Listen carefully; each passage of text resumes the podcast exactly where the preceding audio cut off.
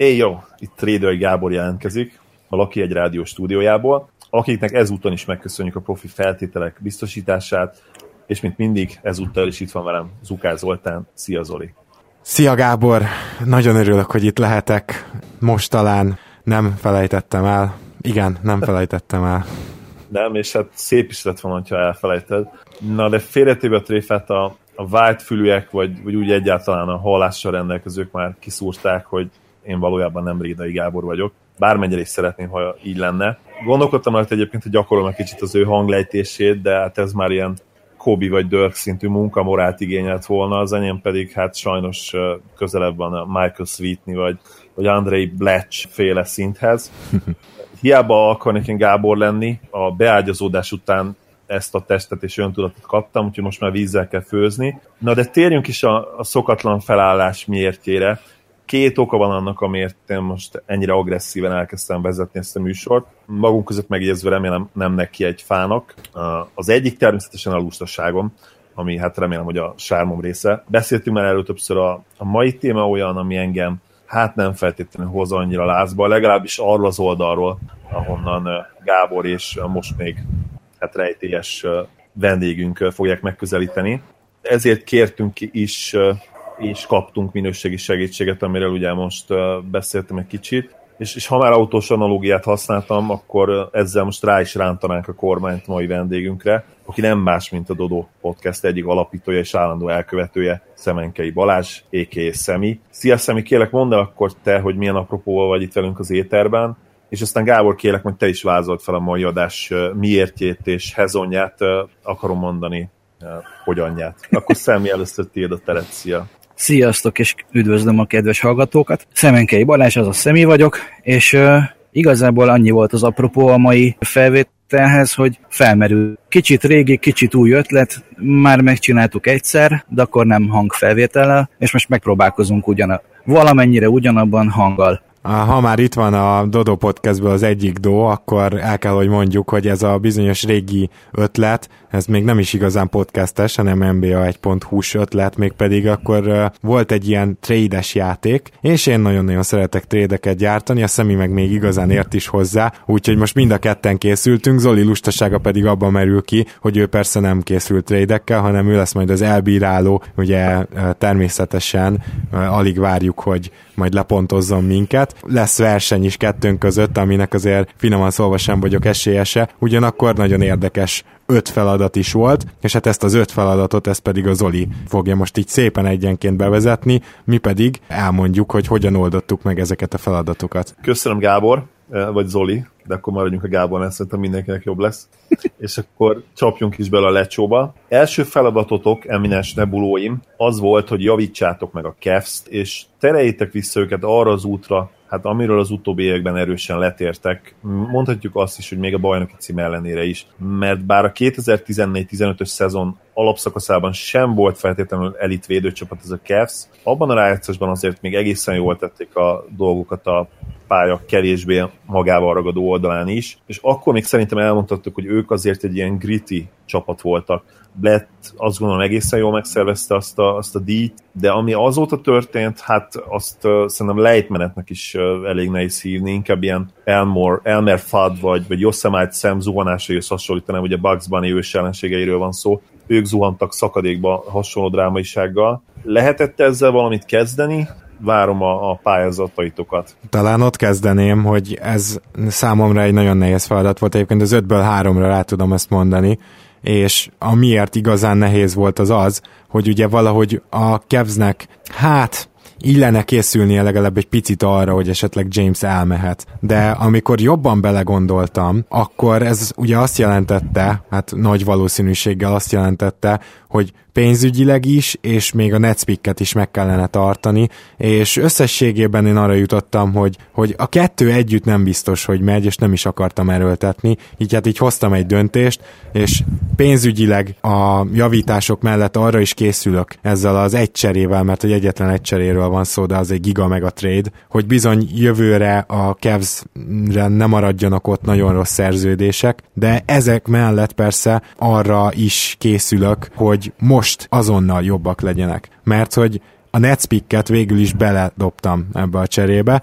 Ez nyilván egy, egy döntési helyzet, meg egy döntés volt a részemről, és én nem bánom így a végeredményt tekintve, de biztos vagyok benne, hogy például itt Szemi lehet, hogy kreatívabban jobbat tudott. Viszont arra majd kérlek Szemi, mert én meg fogom tenni, hogy majd röviden egymás ötleteit is kritizáljuk, csak úgy, hogy mennyire tartjuk reálisnak vagy nem, mert mind a ketten gondolom töltöttünk mindegyikkel hát egy fél órát biztos, tehát nagyjából tisztában vagyunk a lehetőségekkel, hogy például a Cleveland hova cserélhetné el Kevin Lavot, mert hogy én őt cseréltem el, és még a Nets picket is, úgyhogy ennek megfelelően azért egész jó ellenérték jött. Három csapatos a csere, a Jazz, a New York és a Cleveland vesz ebben részt, és a Cleveland gyakorlatilag Kevin Love-ot és J.R. Smith-t pattintja el. Ebbe annyi magyarázatot fűznék, hogy Kevin Love megint nem kezdte jól az idényt, és kicsit úgy érzem, hogy ő egyszerűen a Golden State ellen nem jó matchup, és hogyha ezt akarjuk tartani, hogy a Cavs igenis a döntőbe vágyik, és ez folyamatosan bebizonyosodik, hogy Lavnak ugyan vannak jó meccsei, de védekezésben se négyes, se ötös poszton nem maradhat gyakorlatilag pályán, vagy nem maradhatna, és az sem működik, amit tavaly kipróbált a Cavs, hogy túl akarjuk dobni a Warriors-t, akkor bizony el kell kezdeni ezen a védekezésen nagyon javítani, de lehetőleg olyan emberekkel, akik nem fekete lyukak támadásban mert ugye van egy ilyen emberünk, gyakorlatilag a, a center, vagy néha cserecenter, Tristan Thompson. Éppen ezért a Cavs megkapja a Utah Jazz 2018-as Lottery védett első körösét. Itt azt érdemes tudni, hogy mondjuk Kevin Love végül a jazzbe köt ki, tehát valamennyire várhatjuk, hogy esetleg eljutnak a rájátszásba. Ezen kívül megkapják Derek Favors-t, aki lejáró, ez is fontos, Courtney Lee-t, aki ismét csak kiválóan kezdte a szezont, jó tripla dobó, jó védő, Lance thomas aki én szerintem egy tehetséges, fiatal, atletikus, 3-as, 4-es poszton bevethető, és 6,7 milliót keres három évig, azt gondolom ez nem vészes, és Willy Hernán gomez a New York centerét, aki egyelőre egy tehetséges fiatal, akit nem használnak New Yorkban. És Ez... jól sértem, hogy bocsánat, a Knicks kapná meg a picket? A Pontosan, a Knicks két embert kap, J.R. Smith szerződését, amiről azt kell tudni, hogy bár rossz, 13,8 millió, és szinte cserélhetetlen, de ez úgy három éves, hogy a harmadik év nem garantált. Tehát én úgy gondolkoztam itt, hogy a Knicks kettő évig ki fogja bírni J-át, még akkor is, hogyha esetleg nem játszatják, de még akkor is, hogyha stretch provision egy év után ki kell vásárolni. És a másik, akit megkap a Nix, a Nets pick mellett, az Alec Burks, akivel nyugodtan tehetnek egy próbát, mert egy olyan egyes kettes poszton bevethető játékosról van szó, aki nem rossz védő, és hogyha egy kicsit vissza tud térni a sérüléseiből, akkor nem biztos, hogy rossz lesz az a 10,8 millió, amit keres, de ha igen, akkor is csak két éves szerződés. Viszont ugye ott a Netspick, és ott van az is, hogy Lance Thomas, Willi Hernán Gomez leadása és Kurt Neely leadása nem olyan nagy vérveszteség azt nézve, hogy, hogy lesz akkor esetleg két jó draft pickjük a következő drafton. Úgyhogy a jazz mindezek mellett ugye ő gyakorlatilag Alec burks és Derek Favors-t adta, valamint az idei elsőkörösöket Kevin Lavért. Itt annyi magyarázatot szeretnék hozzáfűzni, hogy szerintem továbbra sincsen jobb fit Kevin Love-nak, mint a jazz. A minden megvan Love-ban, ami a jazznek hiányzik jelen pillanatban, ez pedig ugye a tripla dobás, a secondary playmaking, amit Radney Hoodék elképesztő mennyiségű eladott labdával oldanak meg, és hát így Rubionak nincs könnyű dolga, valamint Rubio és Love támadásban már korábban is nagyon jól működött, azzal ugye nem volt probléma, úgyhogy Love fel is tudja venni újra a nagyobb szerepet jazzben, anélkül, hogy, hogy nagyon bántaná őket védekezésbe, hiszen azért így minőségre talán a legjobb védőcsapat a ligában. Tehát összefoglaljam, vagy nagyjából akkor megvan mindenkinek, hogy ki hova került? Majd én összefoglalom szerintem. Nagyon szaftos kis csere, és hát külön öröm a szívemnek, hogy újra, újra egyesítetted ugye Rikit és Kevin Lábot, bár ugye nem feltétlenül ez a része lesz itt érdekes, hanem inkább, hogy a Cavs rehaul, ahogy szokták mondani ezt ugye az angol sportsajtóban, tehát ez gyakorlatilag a, a roster hát egy elég komoly, hogy is mondjam, hát upgrade-elése én azt hiszem, bár nyilván ezzel lehet vitatkozni, és akkor mielőtt még összegezzük és újra végigmegyünk a fő sarokpontján ennek a cserének, kérlek, akkor Szemi, te is mondd el a te ötletedet. No, hát nagyjából abból indultam ki, amit a Gábor is mondott, hogy vagy fejlődni kell, és a pénzügyeket feladni, vagy fejlődni kell, és a Brooklyn picket kell feladni, vagy mindkettő Szóval nekem is eszembe jutottak mindenféle Love, Thompson és egyéb nagy szerződéseket mozgató cserék, de aztán abban gondolkodtam, hogy az igazán szemis megoldás, hogy így a fél ligát elcserélem, az most nem fog működni. inkább, inkább egyszerűsítettem egy kört, és olyan csapatot kerestem, ahol ne adj Isten a pénzügyeket is lehet egy kicsit támogatni, és van olyan csere alapjuk, aki olyan poszton tud plusz védekezést adni a Cavaliersnek, ami most hiányzik. Ez ugye elsősorban az irányító poszt, és a Thomson kiesésével pedig ugye a magas poszt.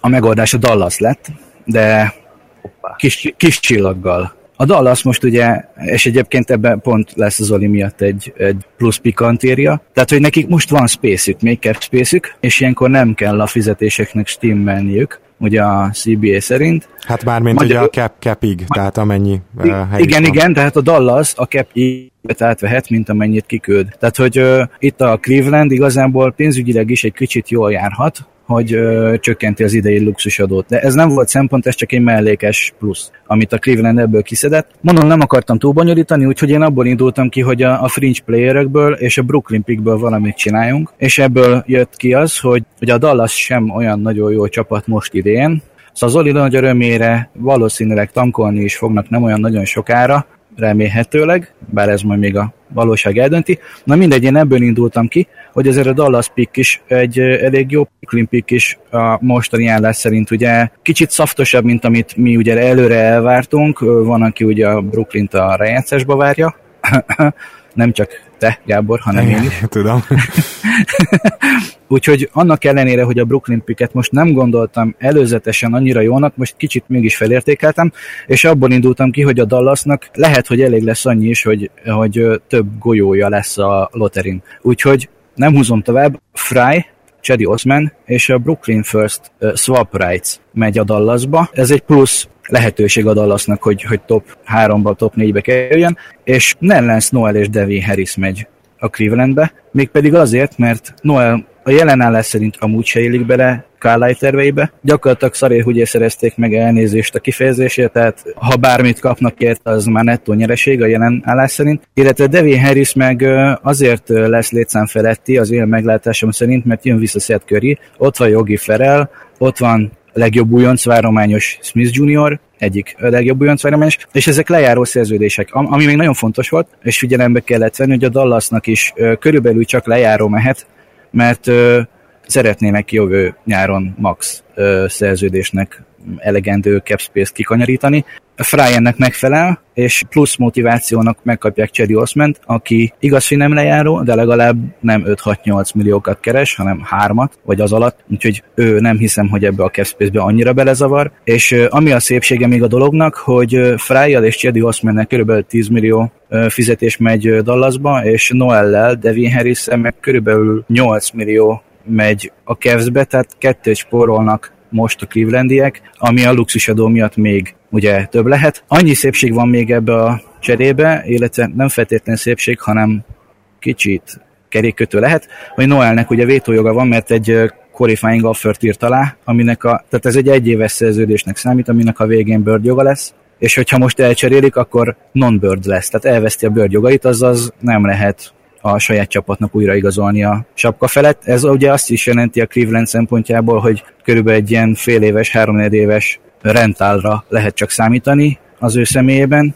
és miután most a Noel új szerződést írt alá, a qualifying offer aláírásától december 15-ig kell várni, hogy ez a csere megköttethessen. Úgyhogy ez még egy ez még egy határ, egy lélektani határ, de szerintem a Noel és a Devi Harris védekezésben tud annyit dobni a Cavaliersen, amennyit mondjuk egy Calderon, vagy egy Derrick Rose, vagy egy kispadon sérülten csücsülő Tristan Thompson ugye nem tud. Akkor Na, szedjük össze, tehát akkor gyakorlatilag Fry, tehát Fry, Osman, Brooklyn first Várjunk csak, tehát Chedi Osman is Fry, illetve Devin Harris jön vissza, illetve Nerlens Noel. Mm.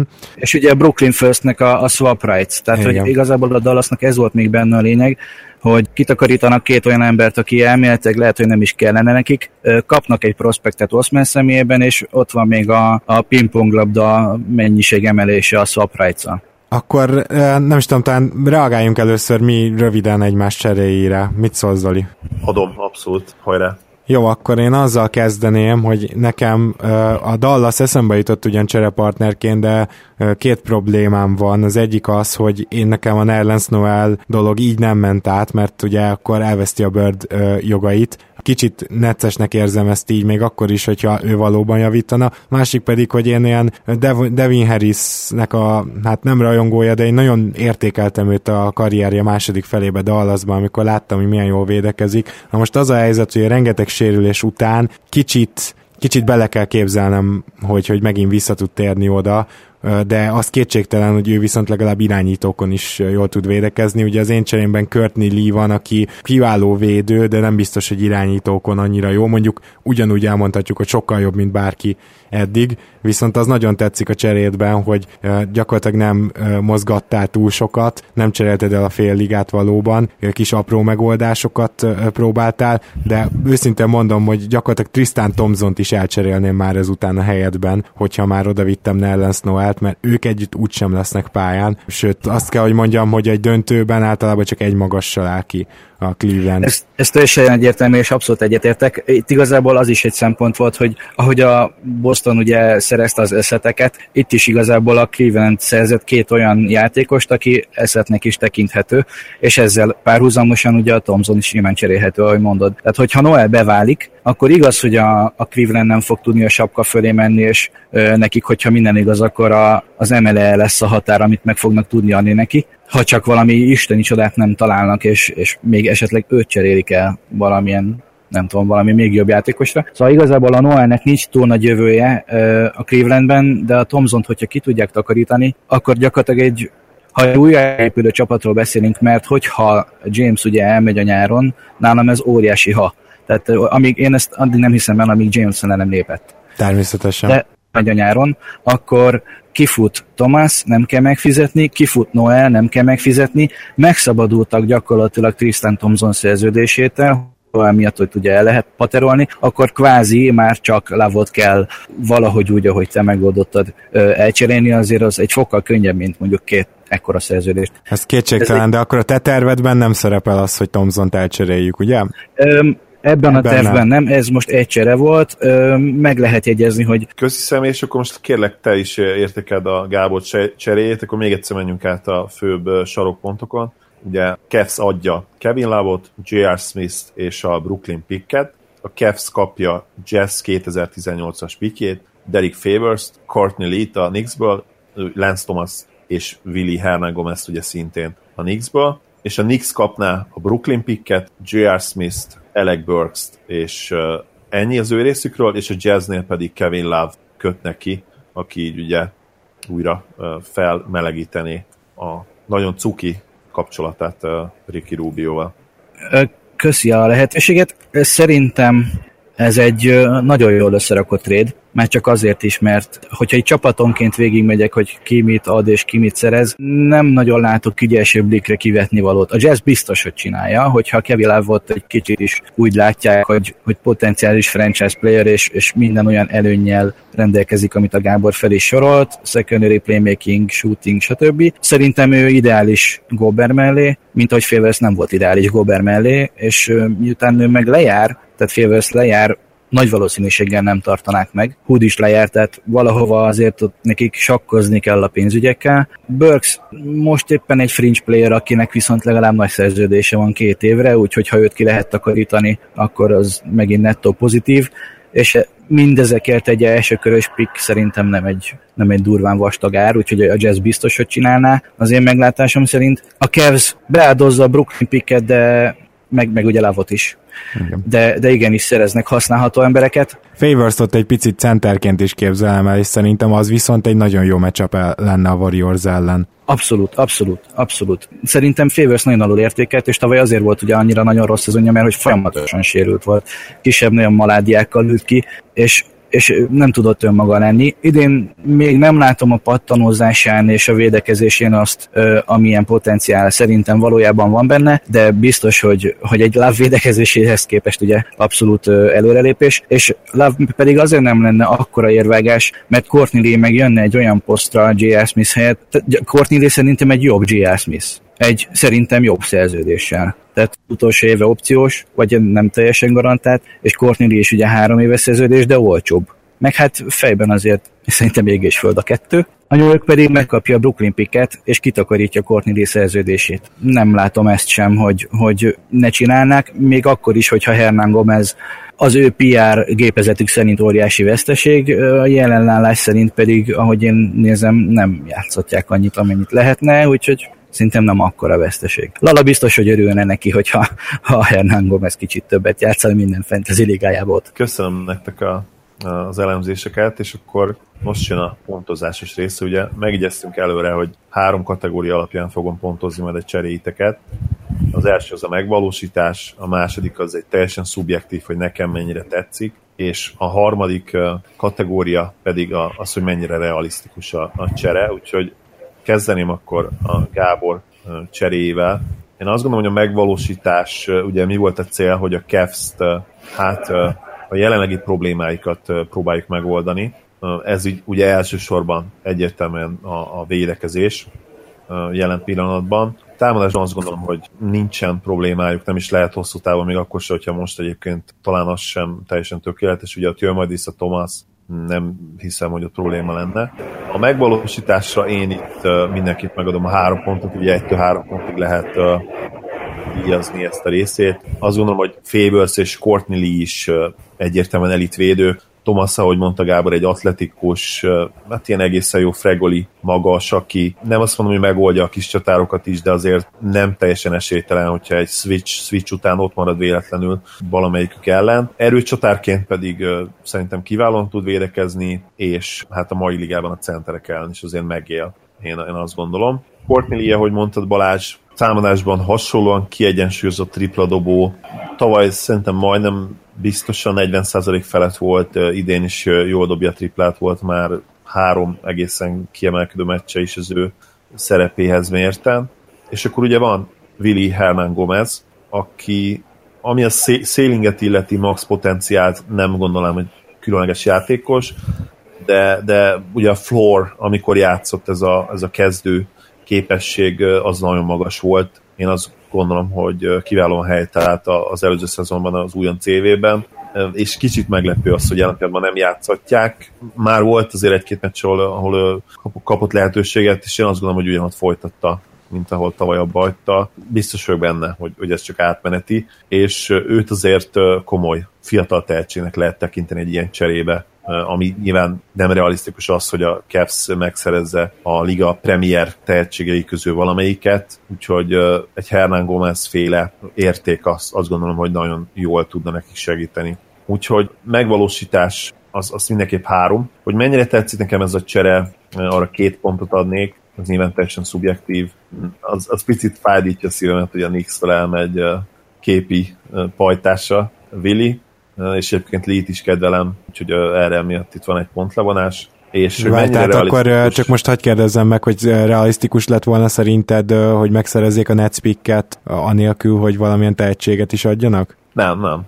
Ja jó, oké, tehát ez csak mm, úgy nem tetszik, de, de hogy amúgy te se ja, persze, ugye ez a tetszik kategória, ezt beszéltük, ez teljesen szubjektív. Okay. Úgyhogy a, a következő, hogy mennyire realisztikus, én azt gondolom, hogy itt is megérdemed a három pontot, pont ezért mondtam hiába három csapatos csere, ami ugye alapban nem annyira realisztikus, mert hát mindig azért törekednek arra a csapatok, hogy egyszerűen megoldják, de ha már három csapatos csere, akkor szerintem ez mindenképpen azok között meglehetősen realisztikus. Ugye nagyon sokszor volt már arról szó, hogy a Cavs el akarja cserélni Lavot, ezek többek is voltak, mint pletykák, úgyhogy ez semmiképpen sem egy földtől elrugaszkodott ötlet. És akkor szemi cseréjét is vegyük górcső alá. A megvalósítás ugye nézzük meg, hogy kit kap a, a Cavs ebben az esetben. Nerlens Noelt és Devin Harris-t.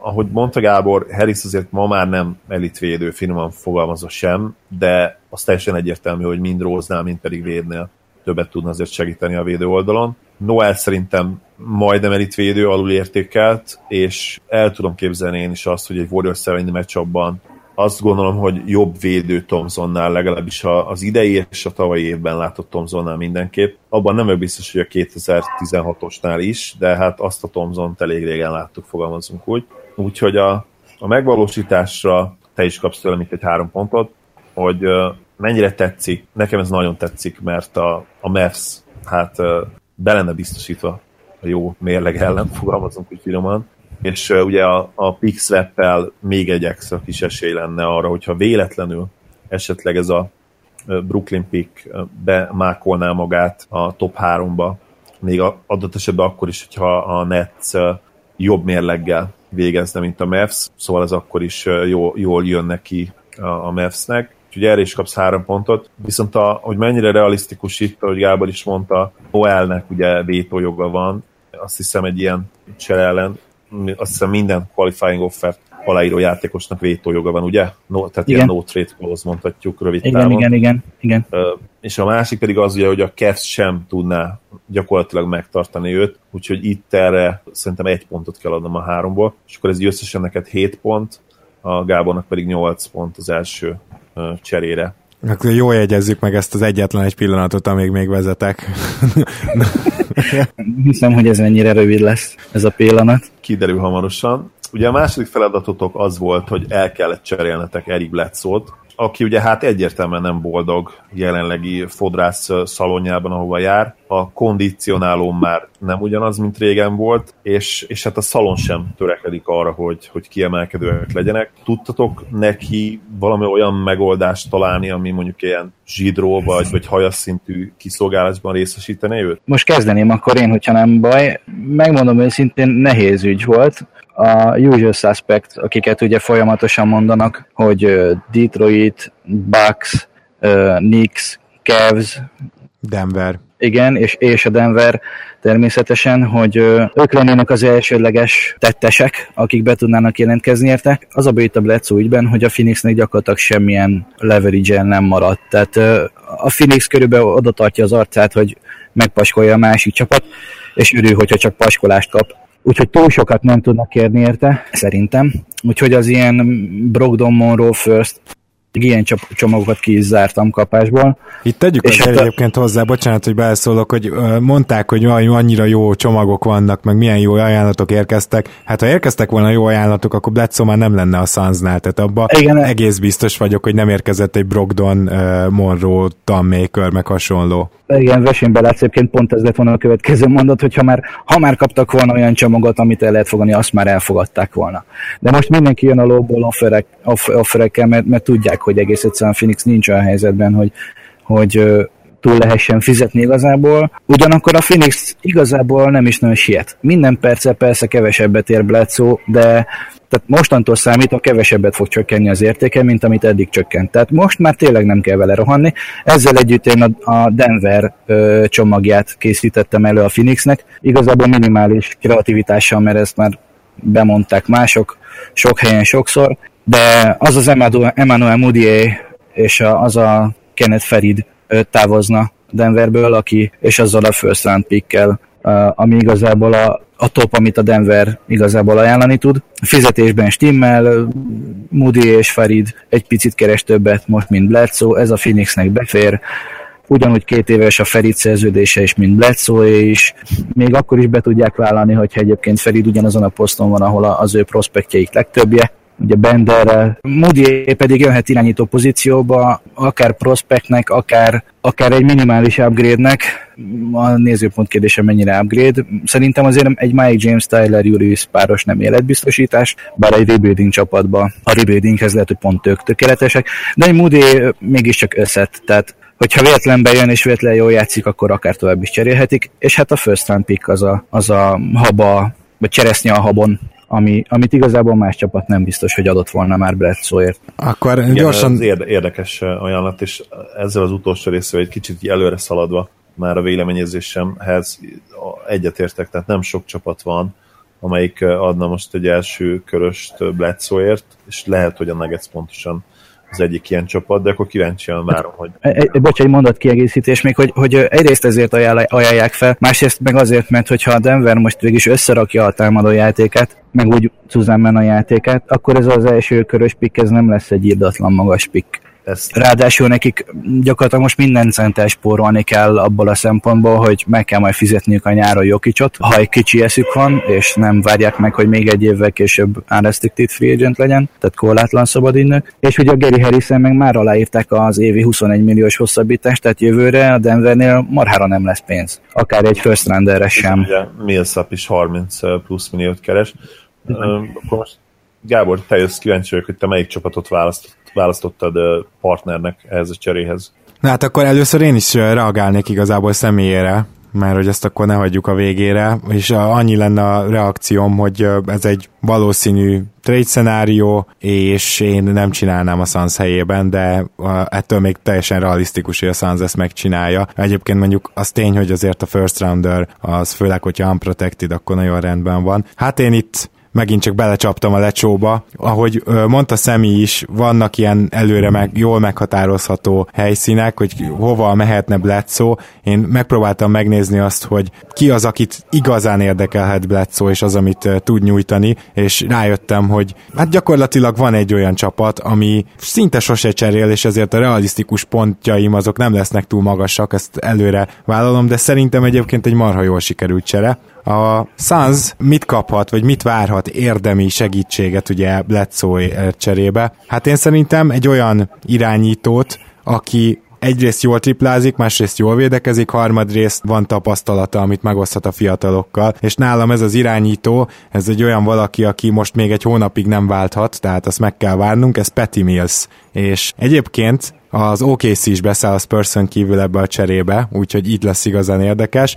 Még Alex Ebrinst kapja meg a Suns, Jeffrey Lavernt, akivel szintén meg kell várni ugyanazt az időpontot, illetve Singlert, akit egyből ki is vágnak. Nem csak azért, mert hogy minek oda Singler, hanem azért, mert túl sok ember érkezne a cserében. És a 2019-es San Antonio first ami lotteri védett ez az, amit a Suns kap, és akkor azt már tudjuk, hogy Bledsoe-t adja, azt Bledsoe pedig a San Antonio Spurs-höz érkezik, Huestis-szel és Davon Reed-del együtt, tehát gyakorlatilag az OKC ad egy fiatalt és egy Huestiszt, aki úgy fiatal is, de, de ha valahol, akkor San Antonio-ba talán tudják használni, viszont Huestis legalább olyan posztra jön, ugye SF, tehát ilyen SFPF, meg hát mondjuk így, hogy wing, amiből sosem elég. És az OKC pedig kapja, bepróbálkozik Tyson Chandlerért és Derek Whiteért. A, wow. Ugye a Sun szempontjából kellett felépítenem a cserét, és ezért nagyon fontos volt, hogy megpróbáljuk elsózni Tyson Chandlert is, és ez volt az egyetlen reális szerintem Tyson Chandler állomás, ugyanis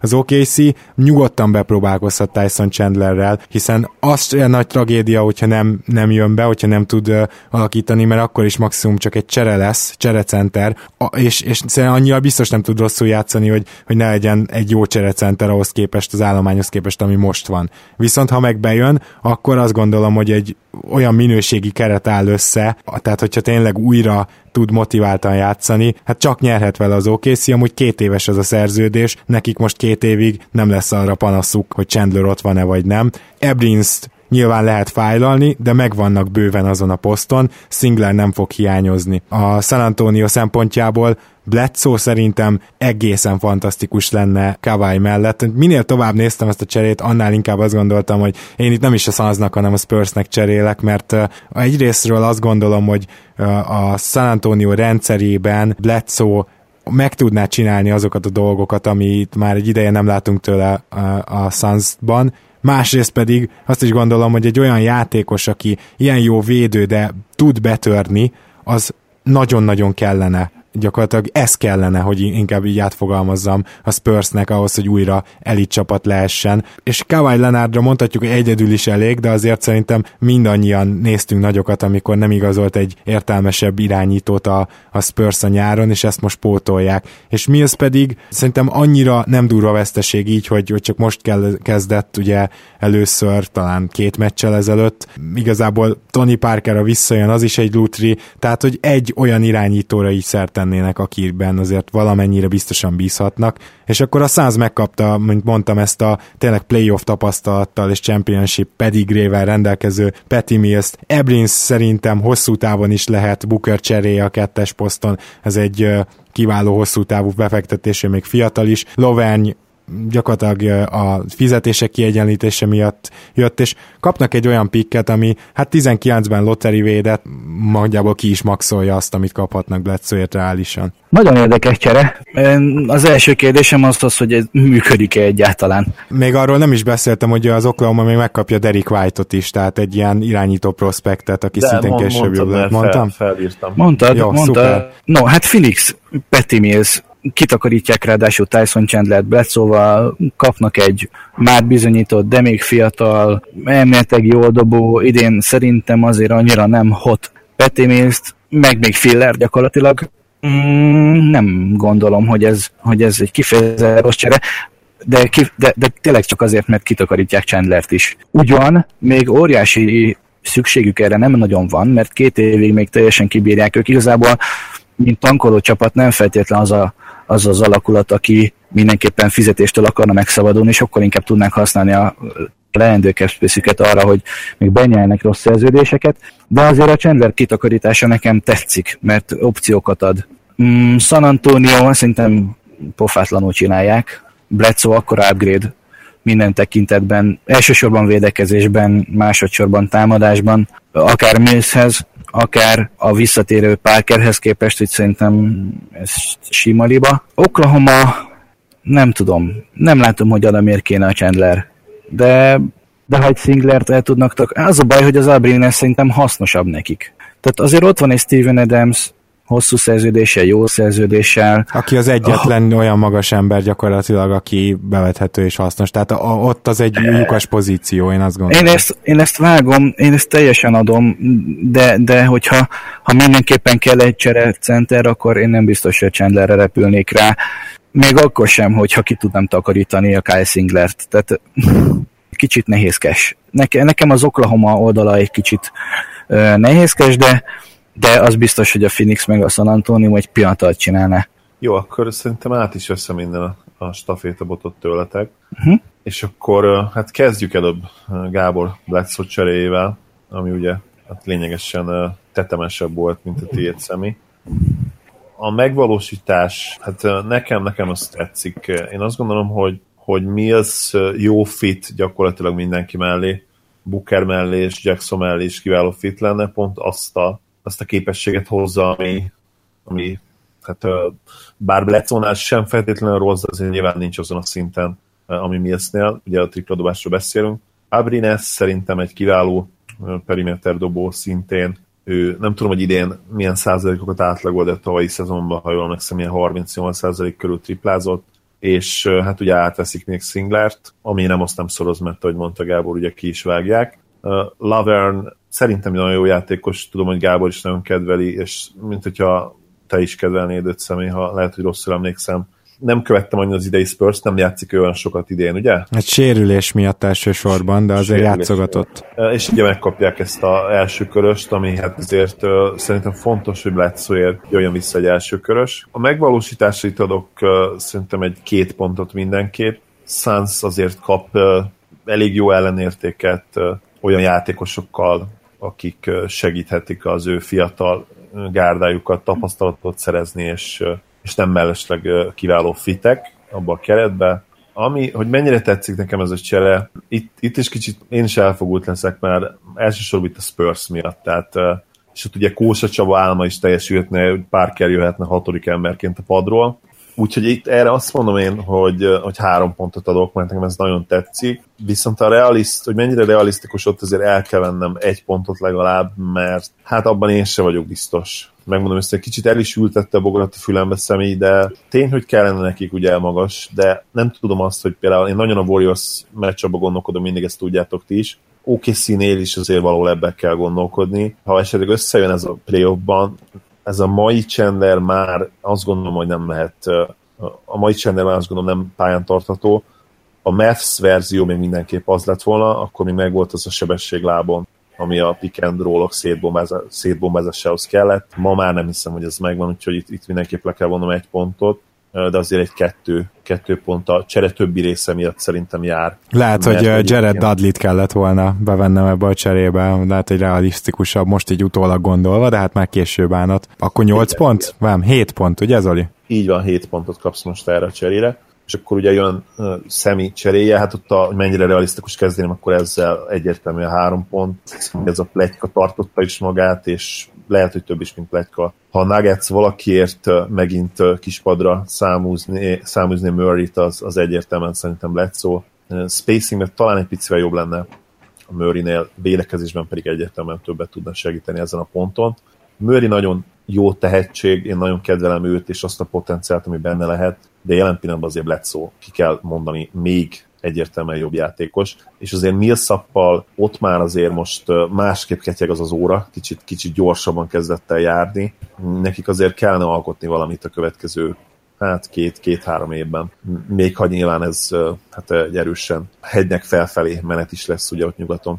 Hogy a megvalósítás hát részére szintén három pontot kell, hogy adjak, mert ugye itt picit van egy átfedés is nyilván a megvalósítás is, hogy mennyire realisztikus. Azt gondolom, hogy a Suns GM-je helyében én lehet, hogy alapban Denver felé nézelődnék, úgyhogy uh, itt, itt tényleg jár a három pont. Hogy mennyire tetszik, annyira megmondom hogy ez nekem nem, olyan két pontot adok erre. Megnézném azt, hogy, hogy Bledsoe hogyan néz ki Denverben, de mondjuk ha Denver oldaláról közelítem meg, és az ő fejükkel gondolkodom, akkor lehet, hogy inkább várnék még ezzel, és megpróbálni murray tényleg úgy felépíteni, vagy akár egyébként megnézni moody hogy, hogy mi van benne, mert ő most azért egészen jól kezdte ezt a szezont, úgyhogy... Igen, ő meglepően jó most. Igen, szóval lehet, hogy ott meg kívánni egy kicsit, úgyhogy ezért két pont. Úgyhogy itt most akkor gyakorlatilag felborultak az előző szerepek, itt most te kaptál 8 pontot, Balázs, 8, 7, és, 8, 7, 7, 8. És 7, így van, és heted Gábor. Jó, és akkor ezzel rá is kanyarodunk a harmadik feladatra, ami hát Reggie Jackson volt.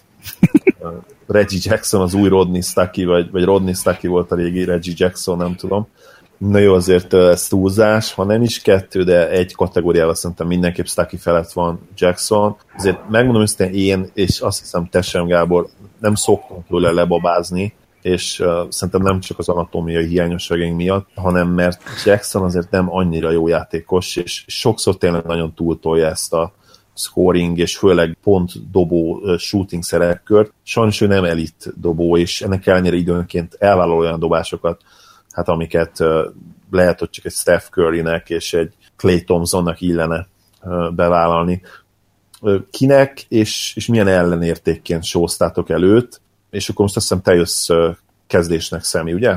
Nem Gábor, Nem, te jössz. Gábor van. Gábor, igen. Először is ez volt a legnehezebb feladat az öt közül. Másodszor Reggie Jackson ismét jó formában játszik, és jó a Detroit, ezért egyszerűen maga a feladat most annyira nem reális, bár te is és én is mondtuk azt korábban, hogy mekkora lenne a Jackson jól kezdeni a szezont, és akkor sell high. A harmadik, Reggie Jacksonnak milyen eladható erősségei vannak. Azt gondolom, hogy a betörés az mindenképpen az, és hát tavaly előtt, tehát amikor volt ez a jó szezonja, akkor még tűretően is fejezett be a gyűrűnél, és olyan csapatokat kellett néznem mindenképpen, akiknél ez egy hiánycikk. Na most, Reggie Jackson egyébként a mostani idei játékával elmondható, hogy megint kezd hasonlítani a tavaly előttire, azaz mondjuk egy közepes védő, mondjuk egy közepes triplázó. Ez utóbbi nem igaz, mert egyelőre szörnyen dobja a triplát, de az azért nem tűnik fel senkinek, mert Detroit egyébként meg fantasztikusan dobja a triplát. Na mindegy, ugye ettől nem kell hasra esni, az első tíz meccsen bárki dobhatja rosszul a triplát, tudnék olyan elit triplázót mondani, többet is, aki egyelőre olyan 32-34 százaléknál van. Inkább onnan kezdeném, hogy egyik csere sem lesz realisztikus egyáltalán, mert a Detroitnál is szerintem úgy vannak, mint tavaly a Miami-nál, hogy ugye, hogy mondta Petra, hogy don't uh, mess with the uh, win gods, vagy gods of wins, nem is tudom, valami ilyesmit mondott, hogy a győzelmek isteneivel ne nagyon szarakodjunk. Szerintem abszolút nem lesz reális egyikünk cseréje sem éppen ezért, de ha már elképzeljük, hogy uh, sell high van, és szeretné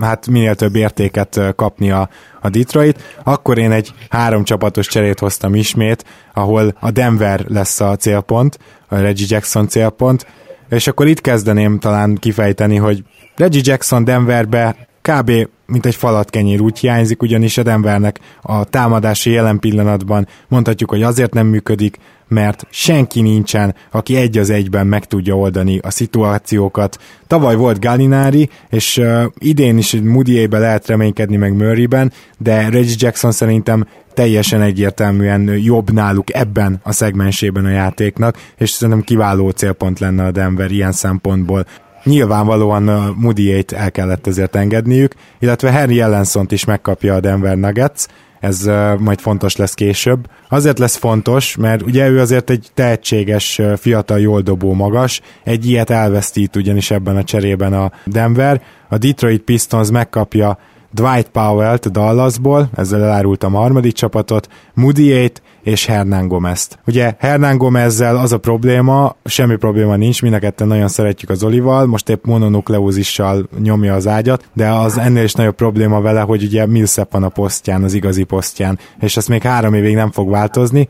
Ezt felismeri a Denver, és gyakorlatilag róla és moody lemond, valamint Kenneth Feridet is elküldi Dallasba. Ezzel felsoroltam majdnem mindent. Ugye a Dallas Mavericks részéről érkezik Kenneth Farid, mégpedig úgy, hogy Dwight Powell még nála is rosszabb szerződését, legalábbis három éves szerződését el tudják postázni, hogy ez miért lenne jó. Egyrészt mert Kenneth Faridnek rövidebb a szerződése, másrészt pedig mert Kenneth Farid a liga legrossz, messze legrosszabb pattanozó csapatába érkezne, és az egyetlen egy dolog, amin ő tud igazán javítani, az a pattanózás. Nem biztos, hogy a Dallas akar javulni ebben, de én azt gondolom, hogy a három éves Dwight Powell szerződés kitakarítása ez bőven-bőven megéri. Úgyhogy uh, akkor már akkor már Feridet én simán átvenném a Dallas helyében. Gyakorlatilag ennyi. Jó, akkor uh, szedjük szét kérlek, és akkor uh, Szeminek is ezzel segítünk majd mert picit így hát pattogtál, mint egy flipper labda a csapatok között, tehát akkor Nuggets adja moody Ne az, hogy adja, hanem hogy ki, ki mit kap, az sokkal egyszerűbb. Jó, oké, okay, jó, úgy. A Nuggets kapja. Reggie Jackson és Henry Alansont. Igen. A Mavericks kapja a Kenneth Feridet, a Detroit Pistons pedig Dwight Powell-t, Emmanuel Mudiay-t és Juan Hernán Gomez-t. Hát gyakorlatilag két fiatal tehetséget és Powell szerződését ők veszik át. Powell Mudiay, Hernán Gomez. Ú, ez nagyon jó a Pistonsnak. Tudom, hogy nem túl jó-e.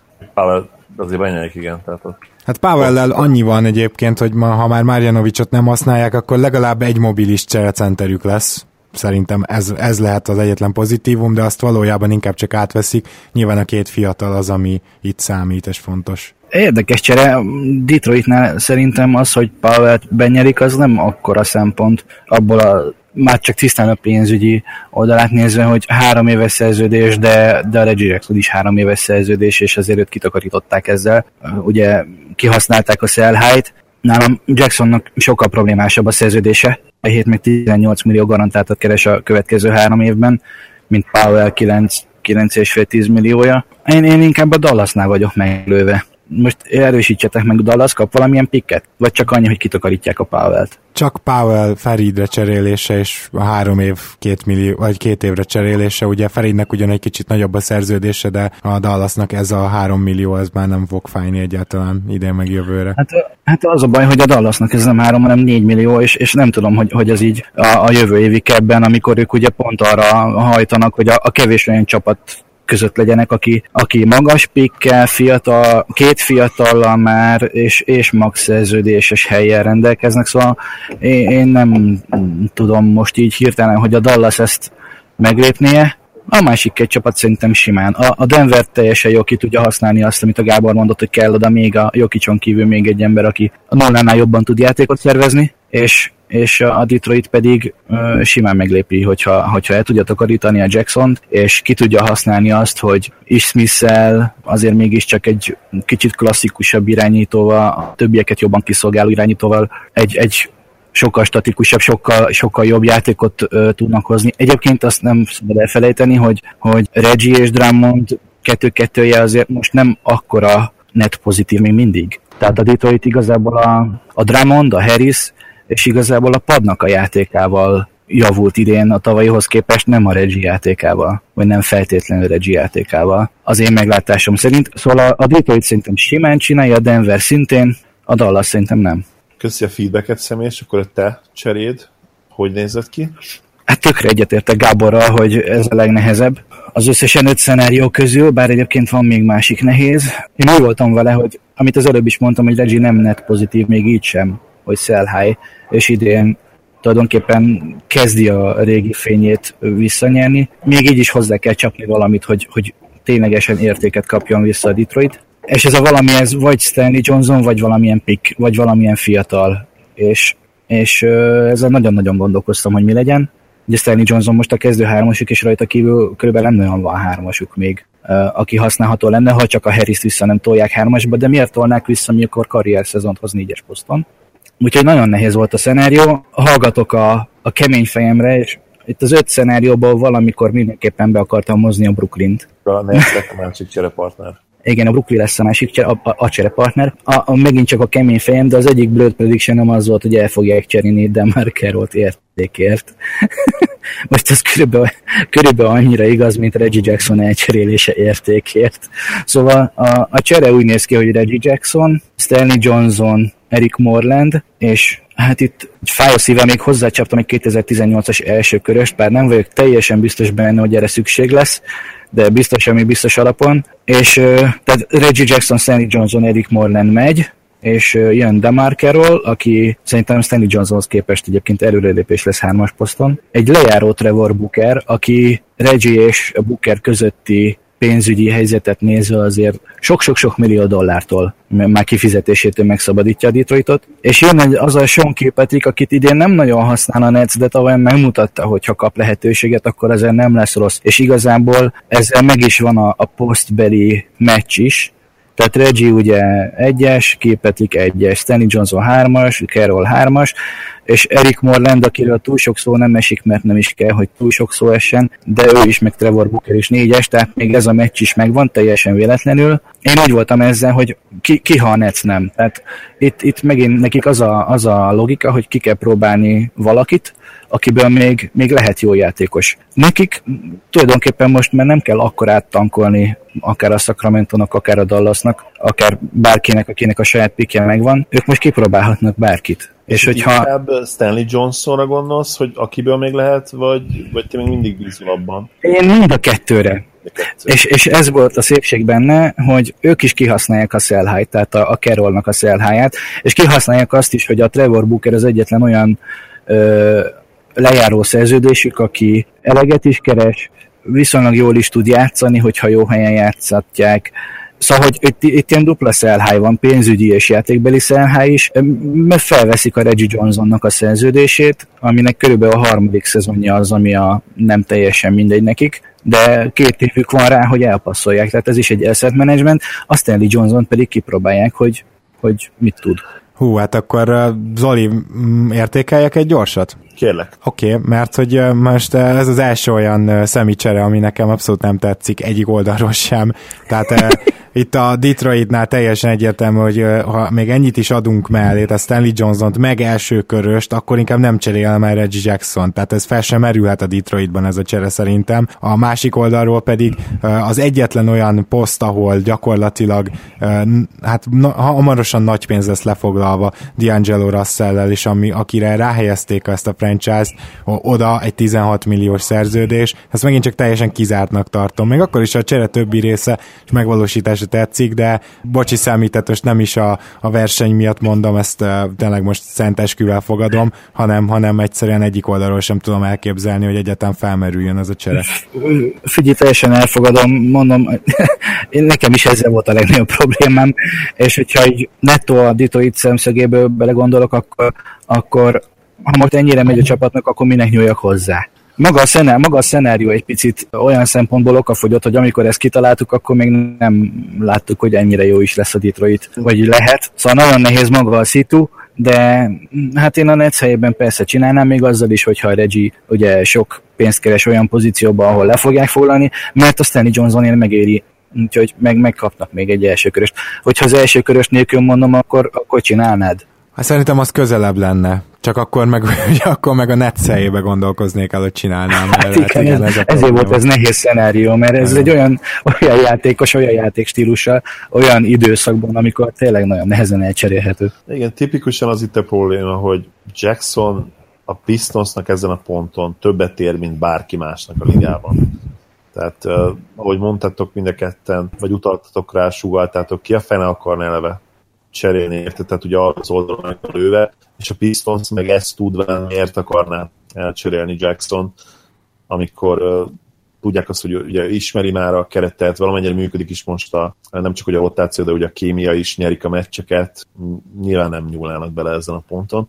Úgyhogy itt valóban nehéz volt ez a feladat ebből a szempontból, de hát azért csak kell pontozni. Úgyhogy kezdenénk akkor Gábor cseréjével. Megmondom őszintén, hogy a feedback, Gábor feedback nélkül is én ezt gondoltam mindenképpen realisztikusabbnak, mert ha már a Pistons ugye úgy döntene, hogy elcserélje, illetve ha már talán a cserepartnereket, akkor itt azért kaptak egy egészen jó ellenértéket, és Pável egyébként, bár hát nem egy, nem egy legendás NBA játékos finoman fogalmazva, azért én azt gondolom, hogyha őt ténylegesen részfeladatokra használnák, és mondjuk a mezben is egyébként valahol ezt várják el tőle, de mégis amikor pályára kerül, mindig az az érzésem, hogy olyan szituációkba nem azt mondom, hogy hajszolják, de kerül, ami neki nem ideális. Tehát belőle ilyen jump shootert akartak csinálni, úgyhogy az ő tempója borzasztó inkonzisztens, szemre tetszetős, de hát szökőévente megy be. Míg a Pistonsban szerintem kicsit játszhatná inkább azt, ami neki megy, tehát ő egy, egy atletikus srác védekezésben nem rossz,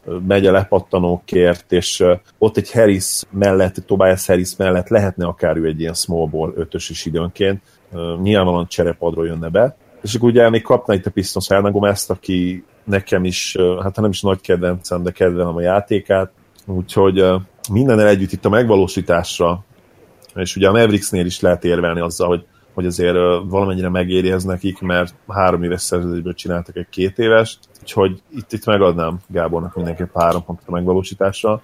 Ami a, hogy mennyire tetszik azt, ezt a vonulatot illetően, én erre két pontot adnék.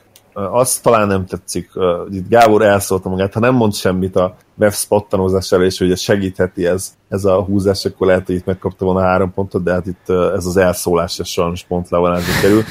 Még ilyen elmélet, elméleti szinten se akarom azt hallani, hogy a Mavericks fejlődött valamiben, úgyhogy itt egy pontot lehúztunk.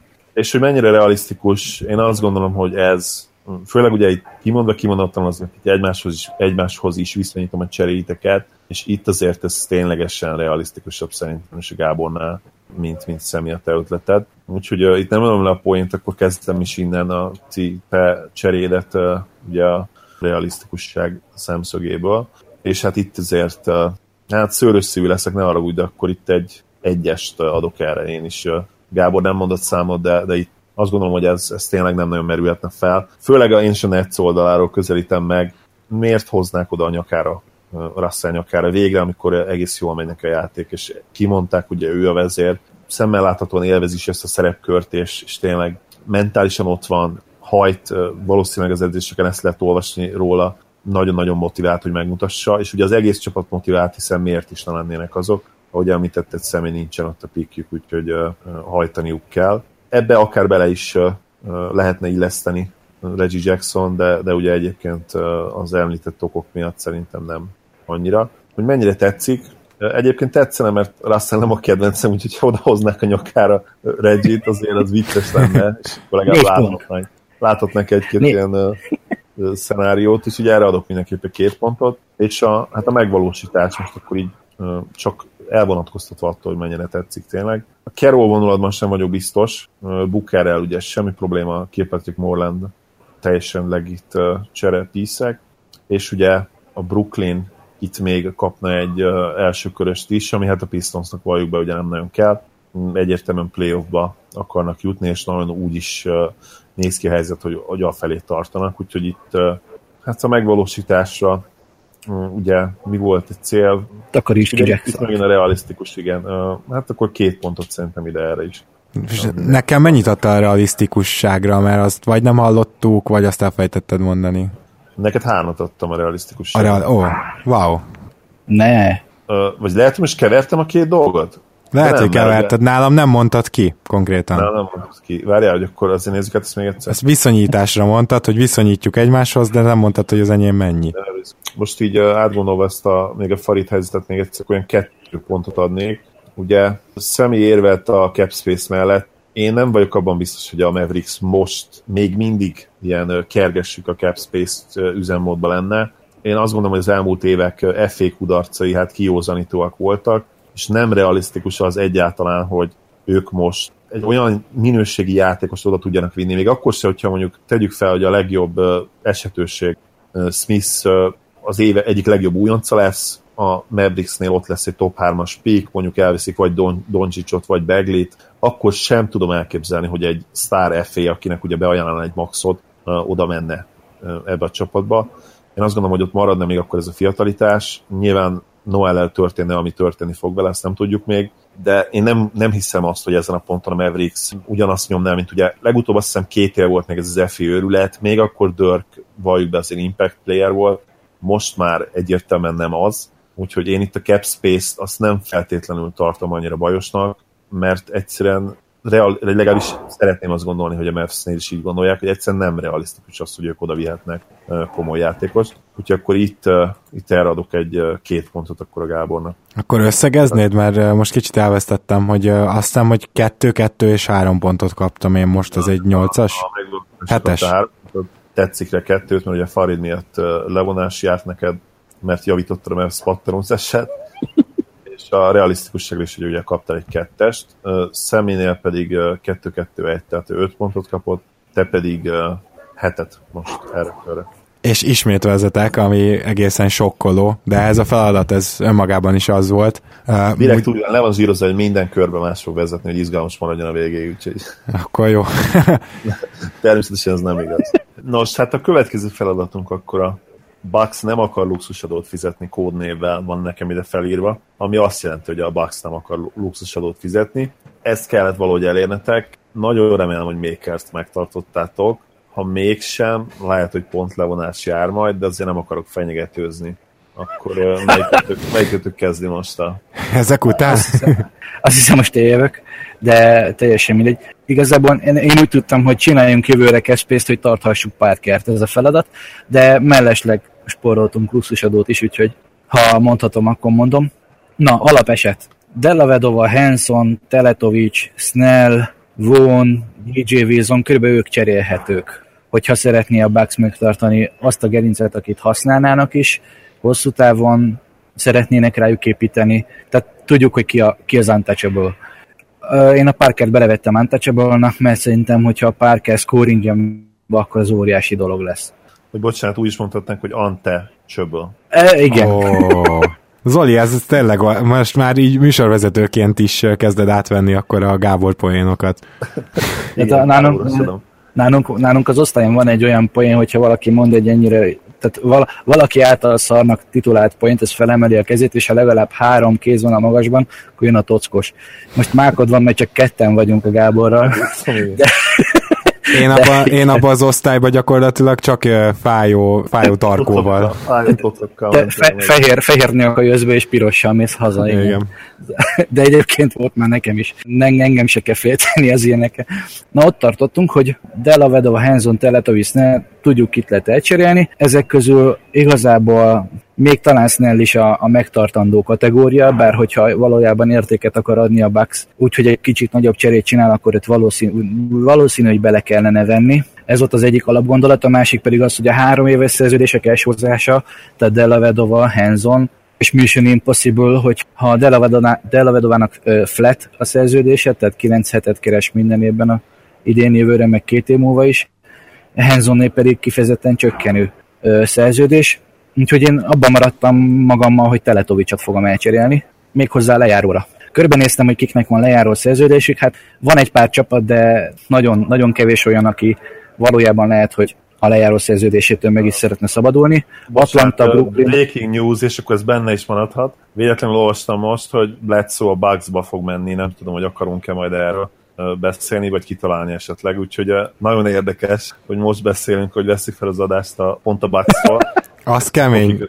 Nem sem. Na most akkor én azt gondolom, hogy most mondjuk be, hogy kedden rögzítjük az adást. Lejáró szerződéseket céloztam Telatovicsért, végignéztem, hogy ki van egyáltalán, akinek van lejáró szerződése, melyik csapatok, és melyikek hajlandóak egyáltalán elcserélni. Hát leginkább tankoló csapatokat nézegettem így a vége fele. Atlanta, Brooklyn, Chicago, Philly talán szóba jöhet. Philly még kicsit kevésbé, mert nekik olyan a fizetési struktúrájuk, hogy csak nagyon nagy szerződésük van ugye a Redike, vagy 11 milliós Amir Johnsonnal, úgyhogy nehéz ügy volt. Végül, végül a cserepartnered. Végül úgy döntöttem, egy ilyen, egy ilyen okaforos, filis gondolat, szöke, vagy foszlány után, amit elvetettem, Atlanta fog nyerni. ezen a, ezen a versenyen, és uh, Teletovicsot DJ Wilsonnal csomagoltam össze, és egy elsőkörös uh, draft pickkel, Marco Bellinelliért és Elsan Ilyeszováért, ami azt jelenti, hogy 12,6 millió dollárt küld el a Bucks, és 12-t fogad be, és mindentán 10 valahány ezerre vannak most a luxusadó felett, ez a 600 ezer mínusz, ez pont jó. Maker, vagy Maker, ahogy Lowe szerint ejteni kell, nem tudom, ő se biztos, hogy mindig ott ugye, szóval Maker és Hanson maradnak magasnak, és idén ugye kimegy a luxusadó alól a, a Bucks. Két olyan lejárót kapnak, Berinelli és így szóval személyében, akik shooterek.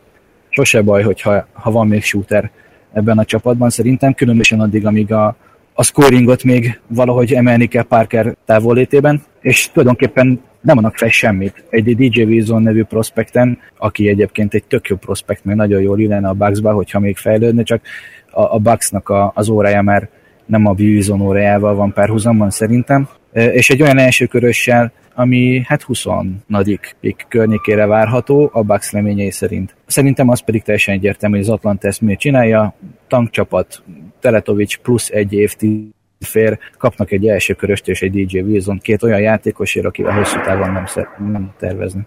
Akkor nem is tudom, Zoli, reagálhatok gyorsan? Persze. Jó, én nekem nagyon tetszik ez a csere, én a pikket érzem így önmagába túlzásnak, én arra raknék egy protection, csak azért, ezen, hogyha mégse jön össze. Gondolkodtam én is, igen. De nem, tehát egy, nem, egy lottery protection, meg. azt hiszem, hogy ide teljesen tökéletes lett volna. Én, én azzal érezném kiegyensúlyozottnak a cserét, de egyébként tetszik. Egyetlen egy dolog miatt nem raktam a lottery protection, mert nem látom, hogy a, a Bucks hogy nem jut playoffba.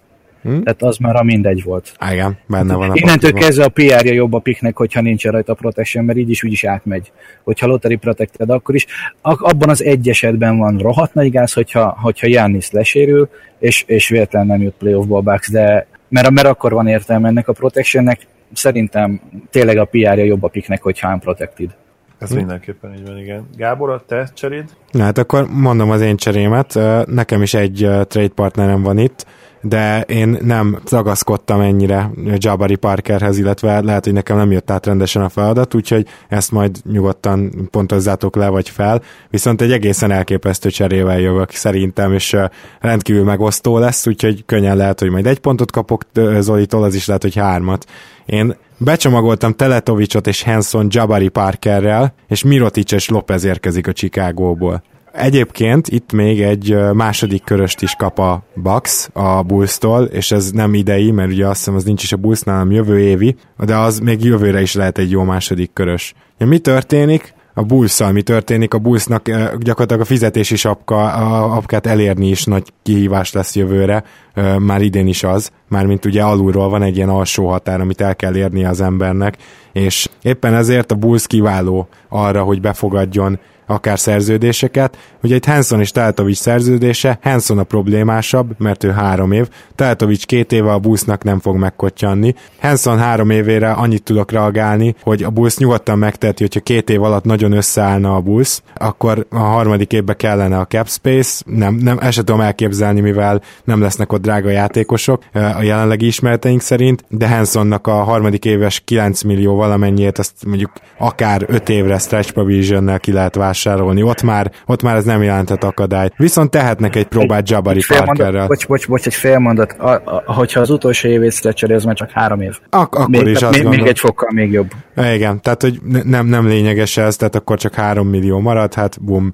Jabari Parkerrel viszont tehetnek egy próbát, és ez szerintem megéri azt, hogy befogadják ezt a két rossz szerződést. Különösen azért, mert Lopeznek jelenleg nem sok értelme van a Bullsban, és szerintem Lopez is, bár ő, ő tényleg egy furcsa személyiség, lehet, hogy a Bullsban is ugyanúgy hajt, de maradjunk annyiban, hogy nem, nem hiszem, hogy oda vágyik. Ellenben ő egy jól védekező center, aki bár hozzáteszem, hogy ehhez a védekezéshez szerintem még mindig nem tökéletes, mert annyira ugye nem gyors lábon, de azért egy olyan hiánycikk a Bugsban, amit évek óta keresnek, és hozzáteszem itt a rim protection is, ami szintén nagyszerű, még akkor is, hogyha ugye nem átlagol olyan űrmennyiségű blokkot, de őnek évek óta jó a rim protection százaléka, és Mirotic pedig szerintem kifejezetten jó fit a Bucksban. Ugye itt ez, ez az egy csere van, tehát nem számoltam többel. Például azzal se számoltam, ami élőben megtörtént, hogy Bledsoe is érkezik, és ugye nagyon-nagyon kellene valaki, hát Giannis mellé, vagy akár mögé, főleg akár a padról, akire azt tudod mondani, hogy egyrészt tud dobni, mert az hiányzik továbbra is, főleg Teletovics elcserélése miatt, akkor oda olyan ember kéne.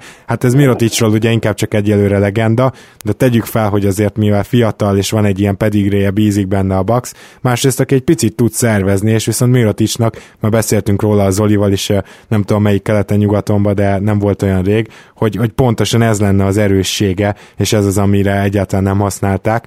Ugye Miroticsot mindenképpen el akarja cserélni a busz, ki van mondva, hiszen Portis visszajön, beépítik, Mirotic pedig le is nyilatkozta, hogy ő nem látja azt, hogy ők ketten még egy csapatba játszanak, úgyhogy en, itt nem le, lehet probléma az, hogy Miroticnak ugye két éves szerződése van, és abból a második az azt hiszem csapatopciós, és lehet, hogy van egy no trade joga is éppen ezért. Van, van, Igen, de van, az, van. az ezek után nem tudom elképzelni, hogy ezt a cserét ő megvétózná. Úgyhogy gyakorlatilag Mirotic és Lopez szerintem mind a kettő hasznos a Bucksnak. Feladják Jabari Parker, de a két szar szerződést kitakarítják, és őszintén mondom, hogy a Bullsnál én nagyon-nagyon megnéznék valami olyasmit, hogy, és most Chris Dunnal kell kezdenem, mert hogy ha más nem legalább ő jó védő, de ugye akkor Dunn, Levin, mondjuk Bagley, Parker és Markanen, ez szerintem egy ígéretes kor erre akár lehet is építeni. Azért érdekes, amit mondasz Gábor, mert volt egy C verzióm, amit szintén elvetettem, és abban Mirotic volt. és Teletovics DJ Vision for Mirotic volt benne, 12,6 millió, 12,5 millió fizetéssel. Itt igazából ugye annyi, amit mondtunk is, hogy csapatopciója van a Miroticnak, legalább a Bucksnak van egy, egy lehetősége kilépni abból a szerződésből, kvázi lejáróként kezelhető. A Hanson nem takarították ki, de lehet, hogy nem is biztos, hogy kell, mert hogyha Monroe megy, azért, hogy a Parker megmaradhasson, akkor kevesen lennének darabszámban magasak Hanson nélkül, csak Makerrel. Hát igen, én ezért hoztam hogy a Lopez-t. Igen, igen, hát igen, teljesen érthető. Nekem nem jutott eszembe ez a Lopezes fordulat, de, de teljesen meg tudom érteni, és abszolút adom azt is, hogy, hogy Hanson harmadik évét simán lehet stretchelni 9 millió helyett 3 millió, tehát 3 évig megy az a 3 millió, hogyha éppen capspace kéne. Én, én azért vetettem el ezt a Chicago vonulatot, mert miről és elveszíti a bőrgyogot, és a Bucks egyébként ugye nem lesz abban a helyzetben, hogy visszaigazolja, viszont nem tudom, hogy jövőre melyik csapat adhatna Mirotisnak olyan lóvét, ami, ami a mostani szint szerintem egyébként senki nem fog. Hát a Bucksnak De... konkrétan az én verziómban lesz helye egy pici a sapka alatt, de hogyha nem is, akkor legalább azt el tudják érni, hogy mondjuk egy full emelét tudjanak adni Mirotisnak. Nem biztos, hogy az sokan fognak versenyezni. Igen, igazából erről is beszéltünk már, vagy beszéltetek, bocsánat, hogy, hogy egy full emelé most már 8,4 millió, tehát hogyha ha valamilyen sapka alatti csapat bármit nagyobbat akar dobbantani, akkor az minimum 10 milliónál kezdődik, és ez meg már nehéz összehozni a sapka alá. Szóval én, én a, én a Mirotic vétó miatt vetettem el ezt a, a Chicago vonulatot, de ezzel együtt tetszik a, a, az elképzelés. Robi Lopez inkludálásával együtt is, mert, mert két szarszerződés megy, és csak egy szarszerződést kapnak. Henzon és Lopez értéke pénzügyileg meg játékban szerintem egyértelműen Lopez felé hajtja a kacsacsört, vagy nyitja a kacsacsört, úgyhogy azért egy, még egy nettó nyereség van a Bucks szempontjából. Hát a, a Parker elcserélése az, az fájó pont. A Chicago helyében én, én simán lépném, gyakorlatilag két olyan játékost adnak fel, akire hosszú távon nem épít a csapat, főleg úgy, hogy a Mirot is még verekedik is. Az az érdekes, hogy, hogy ennyi szanaszét szakadt ACL-t hogyan fognak hosszabbítani a nyáron a Chicagóban, hogyha ott van ugye a Parker is, meg ugye a Levin is, de ez, igen, de ezzel majd foglalkoznak ők. Nekem tetszik. Sajnos azt kell mondjam, hogy tetszik. Én nehéz helyzetben vagyok, mert megmondom, hogy a Bucks szempontjából ugye kezdjük azzal, hogy nyilván mindkét esetben teljesül ugye az alapfeltétel, hogy a Bucks ne fizessen luxusadót, ami szerintem egyébként ez volt a, a feladat, legalábbis nekem ugye ezt küldtétek át Facebookon, Gábor ezt küldtet, hogy, hogy egyszerűen a, találtuk egy olyan cserét, ahol a Bucks akár kaphat nyilván értéket, tehát ez, ez evidens, ezt nem kell mondani, és megúszszák ugye a luxusadót, ami hát jelen pillanatban ugye akkor erősen benne, benne lennének, ugye? Hát nem hát most, annyira, most de nem veszélyes. Sokkal, most nem sokkal. Veszélyes, igen. igen. Azért vagyok nehéz helyzetben, mert a Bucks szempontjából, hogyha ugye akkor teljesül az alapvetés, mind a kettő tetszik, mert uh, Bellinellit én annak ellenére is kedvelem, hogy, hogy a NBA karrierjén elején mutatott fellángolás volt, ahol hát ilyen all tehetségnek is tűnt, és hát ugye én Euro Homerként egyből rávettettem magam így idézőjelbe szurkolóként így az, é- így az éteren keresztül, meg ugye az NBA világában. Aztán ahhoz képest persze csőd lett, főleg mint ahogy a, azon a nyári ligán ugye beindult, hát emlékszem olyan Warriors trade születtek róla, hogy hihetetlen. De mindegy, tehát ettől függetlenül is azért egy jó veterán jelenlétű az NBA-ben. Voltak azért már a Spursnél is egészen jó szezonjai, ahol bajnok csapat tagja tudott lenni, és azért időnként játszott is, még hogyha döntőben, ha jól emlékszem, nem is túl sokat. Ilyeszóval pedig ugye szintén ez a kategória, aki egy playoff csapatot mindenképpen segíthet, és ha jól emlékszem, ugye ő volt is már elég sokat a Bucksban, ugye? Több évet is. Hát annyira nem volt hosszú az a tenure, ahogy szokták mondani, tehát amíg ott regnált, az, az nem volt túl hosszú, de azért volt ott igen, azt hiszem két és fél tán, két és fél év. Igen, valami én is ilyesmi emlékszem. Úgyhogy ez is nagyon tetszik, megmondom őszintén, épp ezért uh, itt mindenképp döntetlen lesz köztetek, ami a megvalósítást uh, illeti. Tehát mindkettőtöknek szerintem három pontot fogok itt adni, mert ugye a Bucks szempontjából kell néznünk elsősorban ezt a cserét, és, és mind a két trade-ben ők elég, elég jó veterán játékosokat kapnak, és akkor hogy térjünk ki egy kicsit a te cserédre is, Gábor, ha már így egy kalappal elvettem így, így az első szempont alapján. Mirotic és Lopez is abszolút olyan játékosok, akik egyértelműen tudnak segíteni meccsenként 20, hát akár lehet egy 25 percben is ennek a Bucksnak, sőt, hát ugye Lopez azért mondjuk ki kezdhetne is azt gondoljuk, ugye? Abszolút.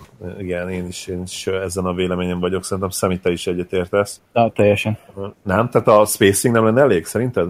Nem, én azt mondom, hogy teljesen. Most, Tehát, hogy ja, teljesen szerintem, igen, jó, szerintem, bocsánat, szerintem, én teljesen egyetértek, szerintem simán kezdhet ott Lopez. Igen, ugye kicsi, nyilván egy kicsi spacing az ugye ugrana, mert hát ez a Lopez egyáltalán nem dobál triplákat a testvérjával ellentétben. Parker még érdekes vonulat, úgyhogy itt ez, ez is fontos szempont ezt nálam. Itt én, és most ez úgy fog hangzani, mint hogyha én elfogott lenni Gáborral szemben, ami lehet, hogy minimálisan igaz is személy, de én sem szeretem Parkert. Tehát, hogyha tudom, hogy hallgatod ugye megtisztelsz azzal, hogy hallgatod a műsorunkat általában. Tudod nagyon jó, hogy Parkerrel én alapban, alapvetően sincs olyan komoly véleményem Parkerről. Én őt elsősorban egy szkórernek tartom, ugye tudjuk, hogy nagyon-nagyon pocsék védő, és hát két ACL után azért szerintem őt elveszíteni az nem feltétlenül hát egy hatalmas nagy uh, veszteség, én azt gondolom. Viszont a Bulls oldaláról pedig szintén azért valamennyire pozitív lehet az, hogy, hogy kapnak egy olyan játékost, akiben talán még lehet valami, és megnézhetik mondjuk egy három hónap alatt egy olyan, egy olyan csapatnál, ahol ugye nincsenek idén célok. Nem tudom, hogyha Parker, ugye őt még nem kéne hosszabbítani, tehát ő még egy qualifying de, de. most kellene hosszabbítani. Ha mondjuk hát, igen, akkor ez, ez, ez ebből a szempontból kicsit azért... Hát uh, qualifying offert is aláírhat, tehát az is benne van a pakliban. Megint, igen, tehát akkor unrestricted lesz persze. Igen, de van, egy valaki beajánl neki valami nagy pénzt, és ott van a, a fejvakarásod. Igen. Tény, igen, az, az tény. Nem tudom egyébként, hogy ki fog beállni Parkernek. Hát uh, ilyen szempontból ugye jobb helyzetben is van a Bulls. Most uh, bocsánat, nem a Mundér becsületét akarom védeni, meg a saját cserémet, de a Bulls jobb helyzetben van Parkerrel, mint a Bucks, mert hogyha esetleg jól játszik, jól játszva visszatér a Bulls, nagy valószínűséggel tudja is tartani ezeket az ajánlatokat. Még a Bucksnál, uh, hát még az én cserémmel is, hogyha valahogy nem vennénk bele Jabari Parkert, akkor is problémásabb lenne. Igen, tehát ugye ott az a cél, hogy ne legyen luxusod, akkor Parker eleve ugrik. Érdekes. Hanson Bocs, ezzel vitatkoznék, mert hogyha a Teletovicsot és Hansont is kitakarítod, és lejár Monro és nem hozod vissza, akkor igazából simán tudod. Hát igen, csak ugye ahhoz kell, kell Parker, hogy kitakarítsd ezt a kettőt, szóval ez, ez a probléma. Igen, igen, igen, viszont ugye visszakapod Lopez, tehát tulajdonképpen mégiscsak ott vagy, hogy egy, egy rossz szerződést takarították ki, így hogyha darab-darabra nézzük a kb. 10 milliós mm. dolgokat, bár ugye Robbie Lopez egy picit még többet is keres. Míg abennel beszélgettünk így négy szem közt Twitteren valami amikor, amikor arról volt szó, hogy a Parkernek most akkor mi lehet, amikor ugye az Embiid megkapta a szerződést. Ki szintén egy sérülékeny, szintén irgalmatlanul tehetséges, megkapta a maxot, tudjuk, hogy mindenféle egy-két-három és négy csillagos apró betűkkel, és azon, azon gondolkoztunk a, a, a Twitteren elsősorban Gaben, hogy, hogy ki az, aki egyáltalán beajánlhat a Parkernek, és gyakorlatilag csak a Bulls jutott eszünkbe, hogy a Bullsnál lesz hely, a Bulls elég hülye, hogy bevállaljon egy akár max szerződést egy ennyire rizikós játékosért, mert lesz nekik helye a sapka alatt, és, és a Bulls neki hometown.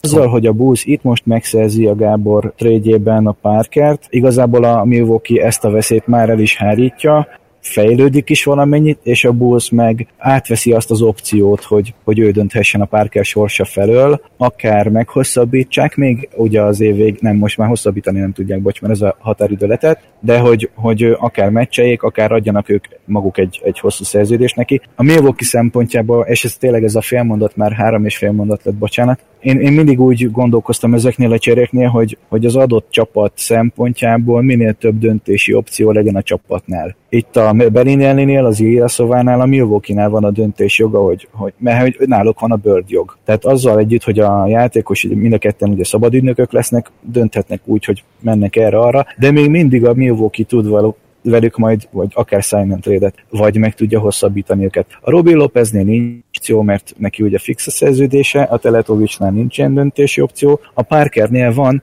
de ő meg, ő meg tényleg az opció ott van, de, de sokkal nehezebb a szitu. Bocs, tényleg csak ennyit akartam, hogy azzal, hogy a Parker megy Chicagóba, gyakorlatilag a Milwaukee kiküszöböli a legnagyobb veszély, hogy valaki elvigye. Igen, de hát ott, ugye itt akkor ebből a szempontból a Gábor cseréje mellett is beszélsz, nem? Hát ugye akkor... Abszolút, és, és most, most nem, nem, tényleg nem a versenyhelyzet miatt, csak egész egyszerűen ez a véleményem.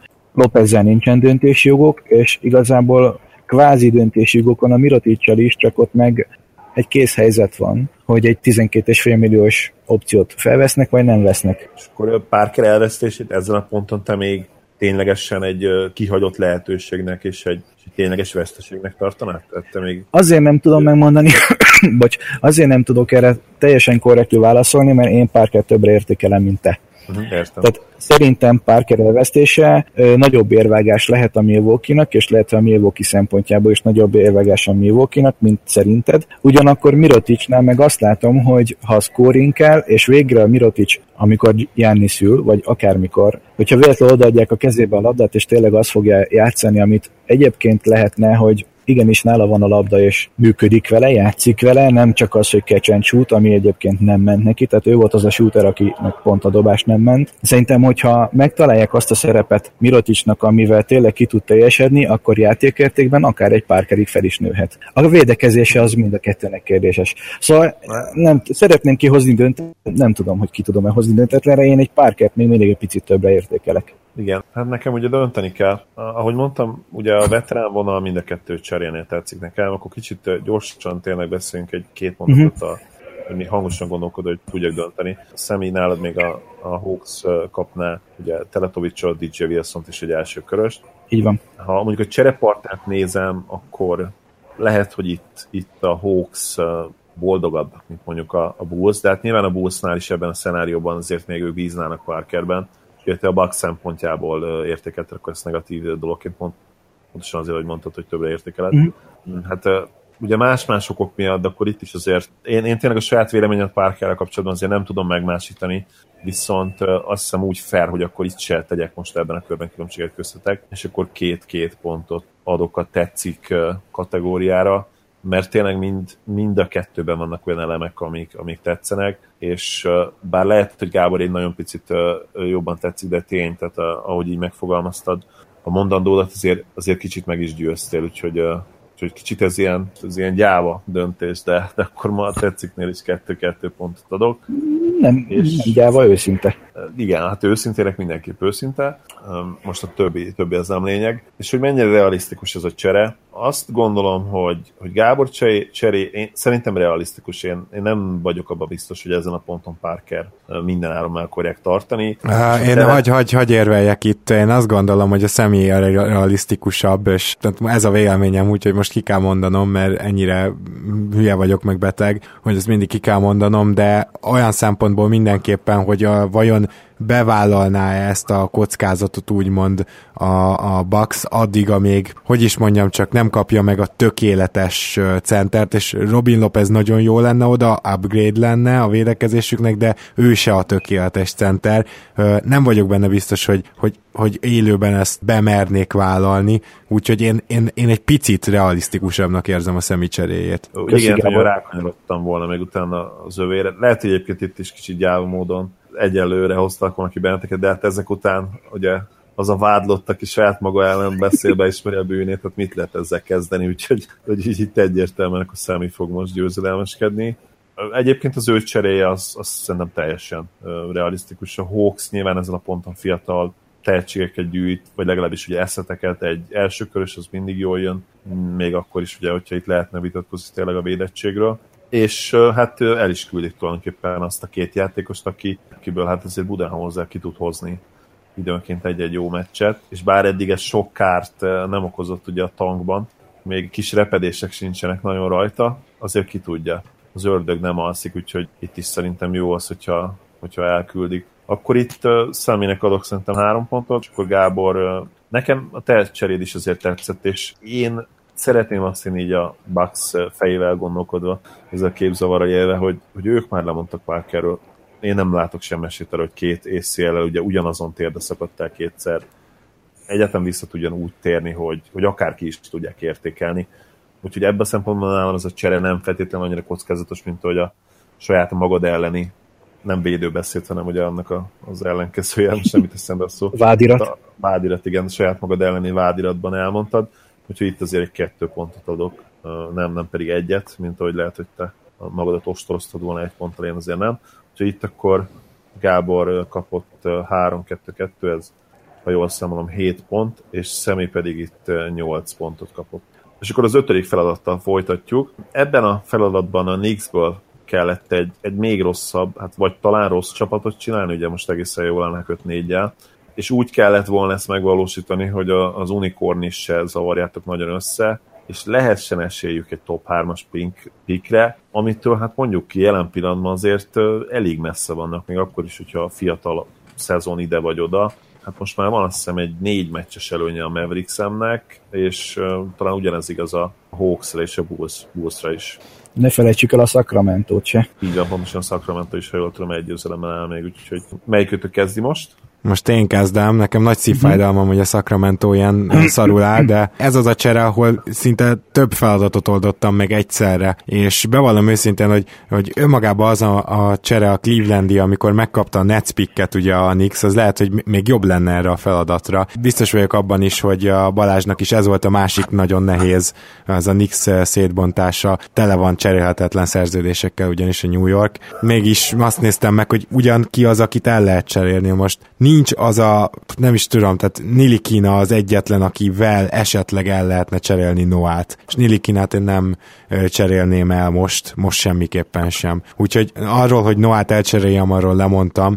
Meg hát ugye az, hogyha ő esetleg visszatér és játszik, a jelenlegi tudásunk szerint az inkább a tankot megtolni fogja. Viszont, viszont Kantert azért tovább lehet cserélni. Annyi érdekesség van, hogy mivel ő érte cseréltek, ezért most őt nem lehet másik játékossal kombinálva cserélni cserélni, csak egy az egyben. És ez adta az ötletet, hogy a Milwaukee Bucks legyen a, a cserepartnerünk, ugyanis a Bucksnál ugye Monroe lejáró, és ezt a lejárót, ezt Kanterért el lehet cserélni. Ugye teljesen hasonló a két játékos, kivéve, hogy Kanter idén egy picit jobban védekezik. Én azt kell, hogy mondjam, hogy Monrónál is, illetve óriási meglepetéseket okoz védő oldalon az nagyon érdekes, hogy Kanternél van egy csapatopció ugye a második évre, és nem tudjuk, hogy ebbe belépe, hogyha így játsza végig az évet mondjuk New Yorkban, és a New York playoffba is jutna, nem gondolom, hogy így lesz, de ha mégis, akkor szerintem kilép a szerződéséből, viszont hogyha mondjuk visszaesik a szokásos szintre a védekezése,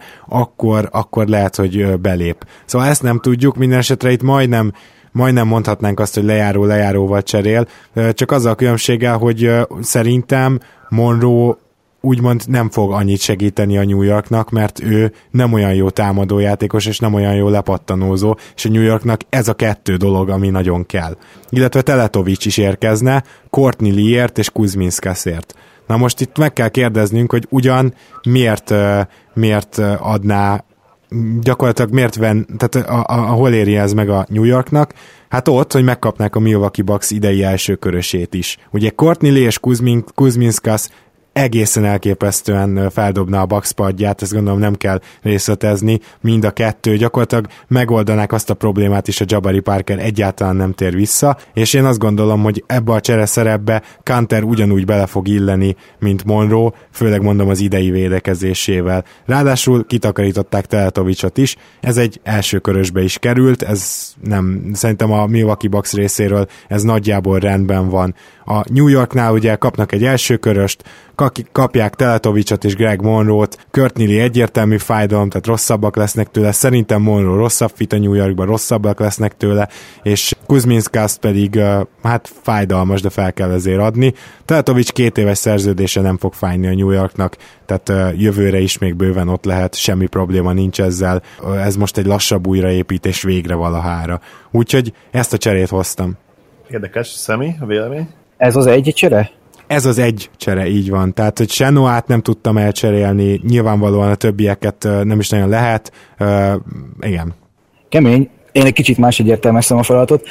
Kicsit még az előző ahol ugye a luxus adóból ki kellett hozni a bucks Itt meg vagy 4 millióval több fizetést átvesznek. De ugye hát 3 milliós Kuzminka szerződést ezt nem muszáj meghosszabbítani, az lejár, és Kanter is kiléphet igen, de nem 18, 18 millióról azért nagyon nehezen fog lemondani, igazából ott a Courtney szerződés az, ami árértékben egyébként, hogyha önmagában nem tök jó szerződés, csak a mai ligában, hogyha valakinek három éves szerződése van még 10 millió fölött, és 32 éves, és, és és nem tudom. Szóval free and wing egyébként tehát pont azon a poszton játszik, ahol, ahol amúgy tökre megérni, csak nekem snell egy kicsit ilyen redundáns lesz meg hát egy, meg egy két éves Teletovicsot egy három éves Courtney cserélnek.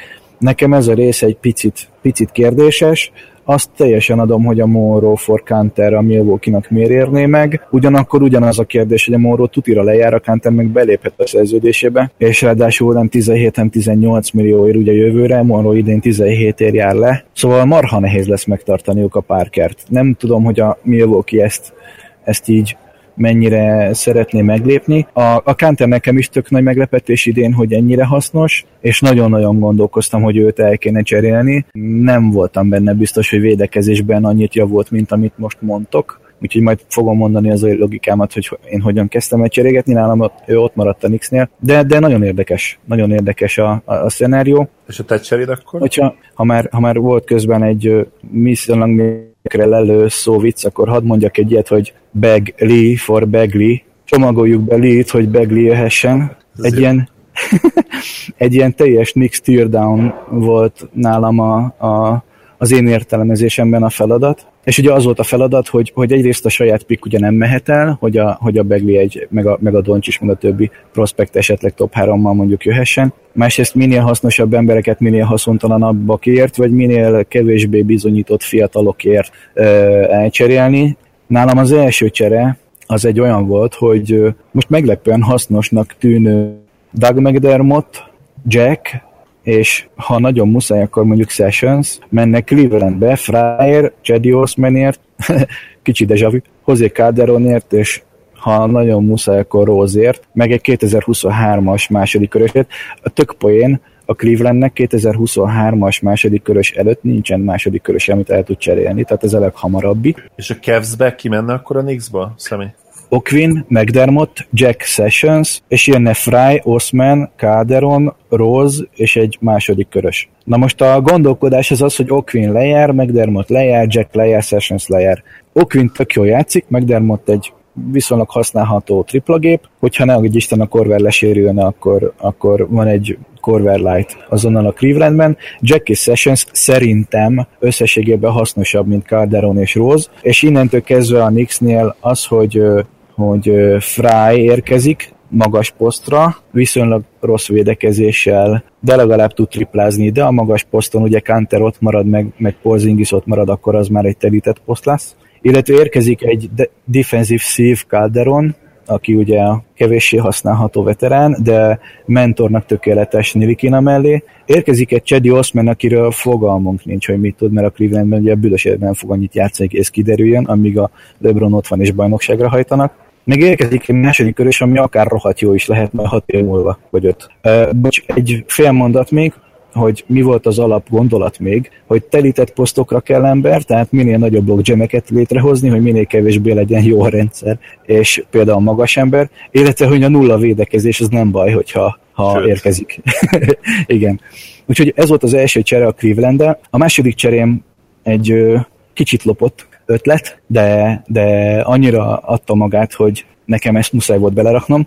Courtney én is kitakarítottam, ugye Bagley, for Bagley muszáj volt becsomagolni Lit, ő elment Meyers Leonardért, Meyers Leonardért és Noah Wallért Portlandbe. Tehát konkrétan a... tőlem lopott a csere, az se rossz.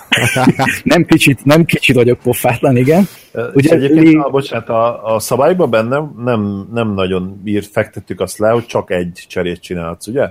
Nem, ez egy olyan dolog volt, hogy, hogy egy általában ilyen egy, egy csere, de itt egy ilyen teljes Nick Steerdown volt leírva, amit mi még a Gáborral megbeszéltünk.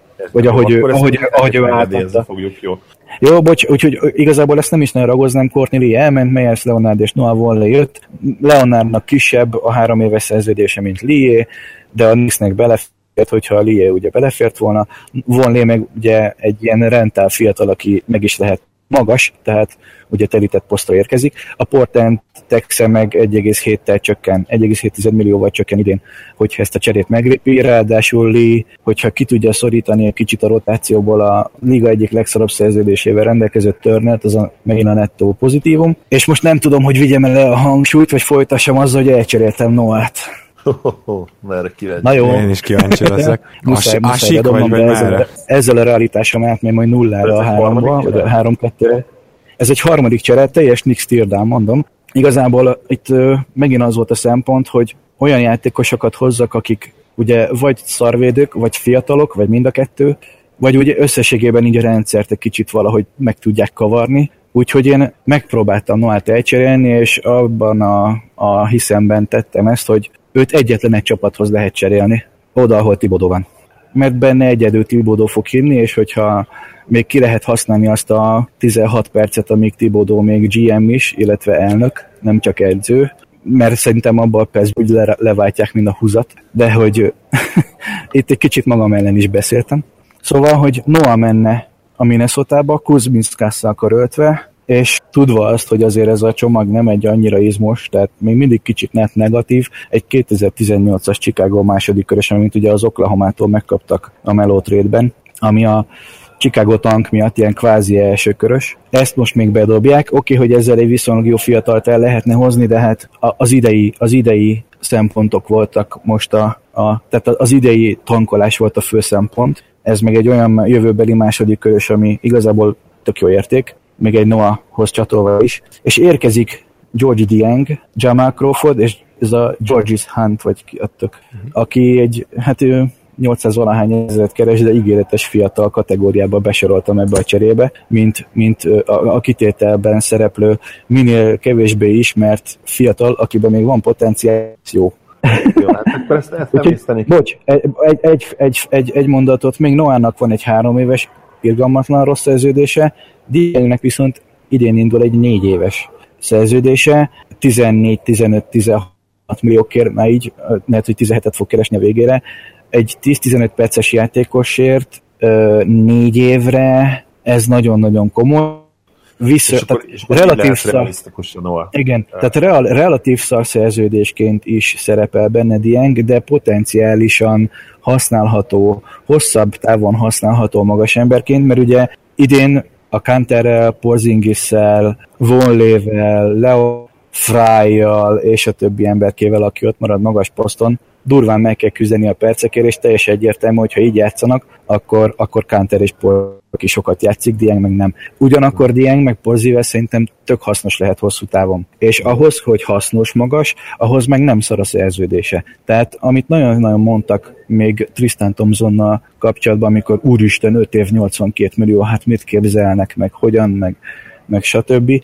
Meg mit én Kazinsz is azonnal kiakadt, hogy basszus, ennyit nem keresek én se, akkor a, teljesen igaz volt, mai szemmel nézve meg most már csak minimálisan túl fizetett mondjuk Tomzon, mert amikor játszik és amikor jól játszik, akkor meg viszonylag megéri a pénzét. Szerintem Dieng ugyanebben a kategóriába bele tud esni, ha megkapja a lehetőséget. És nem idén fogja megkapni a lehetőséget, hanem jövőre, de úgy, hogy ő már egyébként bizonyított ebbe a ligába, és nem egy, nem egy két balkezes törpe, aki, akire nem lehet számítani. Crawford azért kell, mert kell a fizu, meg, szar, meg, meg szarvédő, George Hunt meg az a, az a prospekt, akire még rá kell menni. Itt összességében egyébként annyi történt, hogy több játékost kapott a New York, mint amit, akit elküldött, úgyhogy egy Michael Beasley-től, meg egy Demar Dodson-tól sajnálatos módon meg kell szabadulni, cut révén, de szerintem ez belefér. Gábor, egy gyors vélemény? Egy gyors vélemény az, hogy uh, ugyan jobban megvalósítottad a feladatot, mint én, de túl is toltad. Uh, biztos ah, vagyok biztos. benne.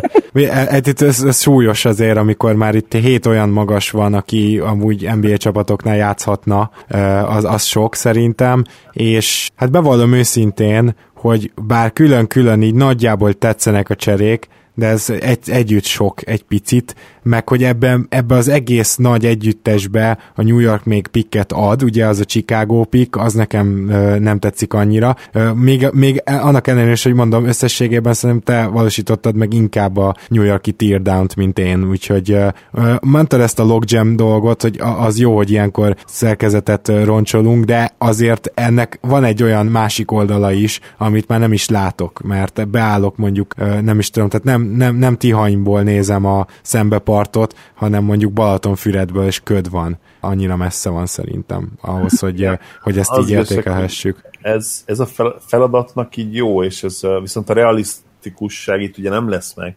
Tehát itt személynél mindenképpen itt majd nem lehet ugye három pontot adni rá, mert... Nem, nem, is, a, nem is a tökéletes pontszámra mentem, bocsi, közeg. Hát ez teljesen, nem véletlen mondtam, hogy most nem tudom, hogy levigyem a hangsúlyt, vagy folytassam az, hogy elcseréltem Noát.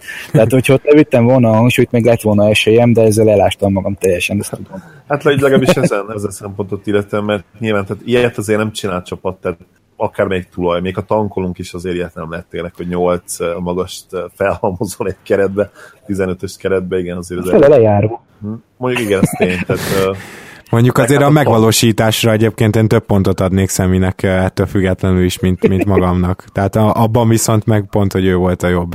Igen, valahol, hogy a, ha a kettőt ötvöztétek volna, és vagy félúton találkozott volna két ötlet, lehet, hogy akkor lett volna egy igazán jó. Szemit egy kicsit túltoltad, Gábor, te ugye egy minimális, hát ugye egy két játékos érintő, és hát nem is két játékos, de azért lényegesen kevesebb játékos érintő cserét vizionáltál, ugye a két fő piece az ugye Monroe és Kenter cseréje lenne, ugye köréjük épül a, a, a cseréd, hát akkor próbáljuk meg. Ja, bocsi, csak annyit hagy mondjak, hogy ugye beszéltünk róla, hogy hivatalosan az enyém is két külön csere, tekintve, hogy ugye ja. Kantert nem lehet, de természetesen egy csereként kell kezelni, csak hogy legalább egy ennyi ment svárom legyen, hogy hivatalosan én is két cserét csináltam. Jó, Jó hát ez igen, tehát a, benne van. Akkor megvalósítás akkor ott, ott mindenki, te Gábor azt mondtad megint, hogy ott több pontot adnál személynek. Hát ő tényleg lebontotta Igen. atomjaira ezt a csapatot. nem azért, hogy, de tényleg így volt, hogy én már beírtam a számokat, és személynek itt három pontot adtam, neked pedig kettőt, úgyhogy, úgyhogy az én véleményem is ezt tükrözte. Ahol a problémák kezdődni fognak most nekem, de ugye gyorsan meg kéne oldani, az a, hát hogy mennyire tetszik. Ne, előbb a realitást, bocs. Add meg, az egy, add meg az egy pontomat a realitásra, aztán mondd meg, hogy mennyi a Gáboré. Aztán utána még megpróbálok hatni. A kéred, figyelj, igen. nyugodt szívvel az, jó, hát akkor igen, akkor egy pont mert hát azért igen, ez picit itt, itt túlzolt, túltolt. Jó, és, és ha levittem volna a hangsúlyt a nagy csere előtt? Hát ott szerintem mindenképp kettő, tehát ott ah. azért az még szerintem lehetett volna mert Dieng tényleg, ahogy így lefestett, én nem tudtam egyébként, hogy neki még most indul majd be négy éve, azért az úgy, az úgy meleg. meleg hát, uh, már megy, de tehát most már indult megy, be. Igen. Most már megy, igen. Hát, és ez egy 17 millió neki. Nagyon jó kis roleplayer, ugye Dieng, de hát azért na, semmiképp nem lehet pozitívnak azt hiszem az ő szerződését mondani, még ha egyébként hogy nyilvánvalóan pozitív játékos is. Úgyhogy igen, tehát akkor ugye itt nálad, nálad egy mindenképp, és hát Gábor nem ugye reali, mennyire realisztikus ez a csere. Kuzminskas nem játszik, ugye őt el lehet nyomni. Ha, ha tankolnak a Nix, akkor nyilván Lee el kell, hogy cseréljék, ő az egyik fő jelölt egy ilyen cserében. Kentert nem tudom mennyire cserélni kell egyébként, meg most azon lehetne vitatkozni a védekezés mennyire jó, de az se végül is egy nagyon elvetét gondolat, úgyhogy itt szerintem kettőt, két pontot adok a realisztikusságra. És akkor, hogy mennyire tetszik, ez ugye szinte teljesen szubjektív. Most kicsit a Nix szempontjából is nézem ezt, ugye nem árulok el a titkot, hogy a elárulom, hogy képi nagy kedvencem. Mikor lenne rosszabb a, a Nix? Hát, hát egyértelműen ugye Szemi ötleténél, itt ugye teljesen uh, nagy káosz lenne, nem igazán tudnának itt meccseket nyerni, úgyhogy ebből a szubjektív szempontból akkor itt neki három pontot adok. Hát Gábornál is azért két pontot megadom, mert egyébként uh, Monróval szerintem rosszabbak lennének, hogy jelenlegi Monró rosszabb, mint Kenter, Teletovics nem hiszem, hogy sok vizet zavarna, nem is tudom, hogy nagyon hogy lehetne felküldeni például a képivel együtt. Bár mondjuk lehet uh, stretch five-ot ugye játszhatom Teletovics. A, a first pick az nem lenne rossz, de azért uh, hát a Bucks first az ugye nem lesz egy egetverő világ megváltó draft jog idén, úgyhogy, úgyhogy két pont, és akkor itt Gábornak összesen hat, Szeminek pedig összesen 7 pontja lett ennél a fordulónál, még az egy pontos realisztikusság ellenére is. Én mondtam volna, hogy a szarszójátékért még adjál még egy pluszpontot, de megadtad a tetszikre a hármat, úgyhogy ezt már inkább nem is mondom. Ne egy gyufát. nem, nem, akkor... nem, most már csöndben maradok. Akkor köszönöm, Nekem úgy... most szerintem egy gyors számolást tar- tartsunk, mert szerintem ilyen nagyon egál közeli lehet az állás. Ez pont, pont, pont egál, hogyha jól számoltam. Ó, akkor sikerült? Ki hozna meg erre? Gábor? Igen, én is úgy számoltam. Hát Jó. akkor nagyon köszönöm, urak, a közreműködéseteket. Én nagyon élveztem, megmondom őszintén így, hogy nem kellett kitalálnom mindenféle csereötletet. Az a műsorvezető is szeret nekem bejött, én úgy érzem, úgyhogy lehet, hogy le is fogom váltani Gábor hosszú távon. Meglátjuk, hogy mit szól hozzá. Az biztos, hogy, hogy neki is nagyon köszönöm. Köszönöm Gábor, hogy minőségi ötletekkel jelen voltál ma és természetesen ugyanez igaz rád is személy. Nagyon köszönöm, hogy, hogy ennyi időt rászántál, biztos vagyok benne, hogy ez nem, nem volt kevés, minimum egy-két-három óra azért ráment. Tudom azt, hogy családapa vagy, úgyhogy mehetett volna máshol is az idő. Nagyra értékeljük, hogy szórakoztattál minket, és néző hallgatóinkat is, úgyhogy köszönöm még egyszer. Én köszönöm a lehetőséget, és nagyon örülök, hogy, hogy hívtatok, és volt egy ilyen alkalom, hogy együtt tudtunk működni, ráadásul egy olyan témában, amit annó nagy sikerrel sikerült bedobnom a fórumra, mint ötletet, és aztán nagyon nagy örömködések közepette bonyolítottunk le, és nagyon remélem, hogy már legalább fele annyira élvezte a hallgatóság, mint amennyire én az előkészületeket és itt magát az adást, akkor már, akkor már nagyon jól érezte magát a hallgatóság. És tényleg csak hálás lehetek, úgyhogy, úgyhogy hajrá, hajrá, csak így tovább, és ha megragadhatok egy fél mondatot, akkor, akkor ne feledkezzünk el a Dodó podcastról sem, nem hagytuk abba, csak egy nagyon pici mosolyszünet, de hamarosan jelentkezünk mi is érdekesebbnél érdekesebb témákkal, és hát tudjuk, hogy, hogy ti is folytatjátok a, a működést heti többszöri adásokkal, úgyhogy el leszünk látva tartalommal. Hát én is ezt remélem, meg azt is, hogy mindenki jól érezte magát a mai adásba, én nagyon, úgyhogy akkor hamarosan jövünk, azt se tudom pontosan, hogy most mikor hallgattok minket, mert hogy ezt mikor vágom meg, az egy jó kérdés, de még megpróbálom ezen a héten, és akkor minden jót kívánok addig is, kedves hallgatók, nektek, hallgassátok a Dodó podcastet, minket is hallgassatok, Facebookon eléritek mind a kettőt, lehet lájkolni, értékelni, iTunes-on, Soundcloud-on, Mindent elmondtunk, sziasztok! És köszönöm még egyszer, és gratulál Gábor Takival, hogy ez így sikerült. Köszönöm, én is gratulálok neked. Hello, hello! Köszi, sziasztok! Én is köszi, sziasztok! Ha más podcastekre is kíváncsi vagy, hallgassd meg a Béton műsor ajánlóját. El tudod képzelni, hogy a podcastet, amit éppen most hallgattál, fél év múlva már a mesterséges intelligencia generálja? Mi sem. De ha érdekel, eljötte már a gépek lázadása. Hallgass bele az Embertelen podcastbe. Orsós Lajos vagyok, a műsor házigazdája. Egyelőre még élőben. Egyelőre. Fedezzük fel együtt, hogyan ismerkedik, randizik, mesél és vitatkozik Betty és Péter, két teljesen mesterséges intelligencia. Lajos, a podcast címét mond még egyszer, Léci. Oké. Okay. Embertelen podcast. Ez a műsor a Béton közösség tagja.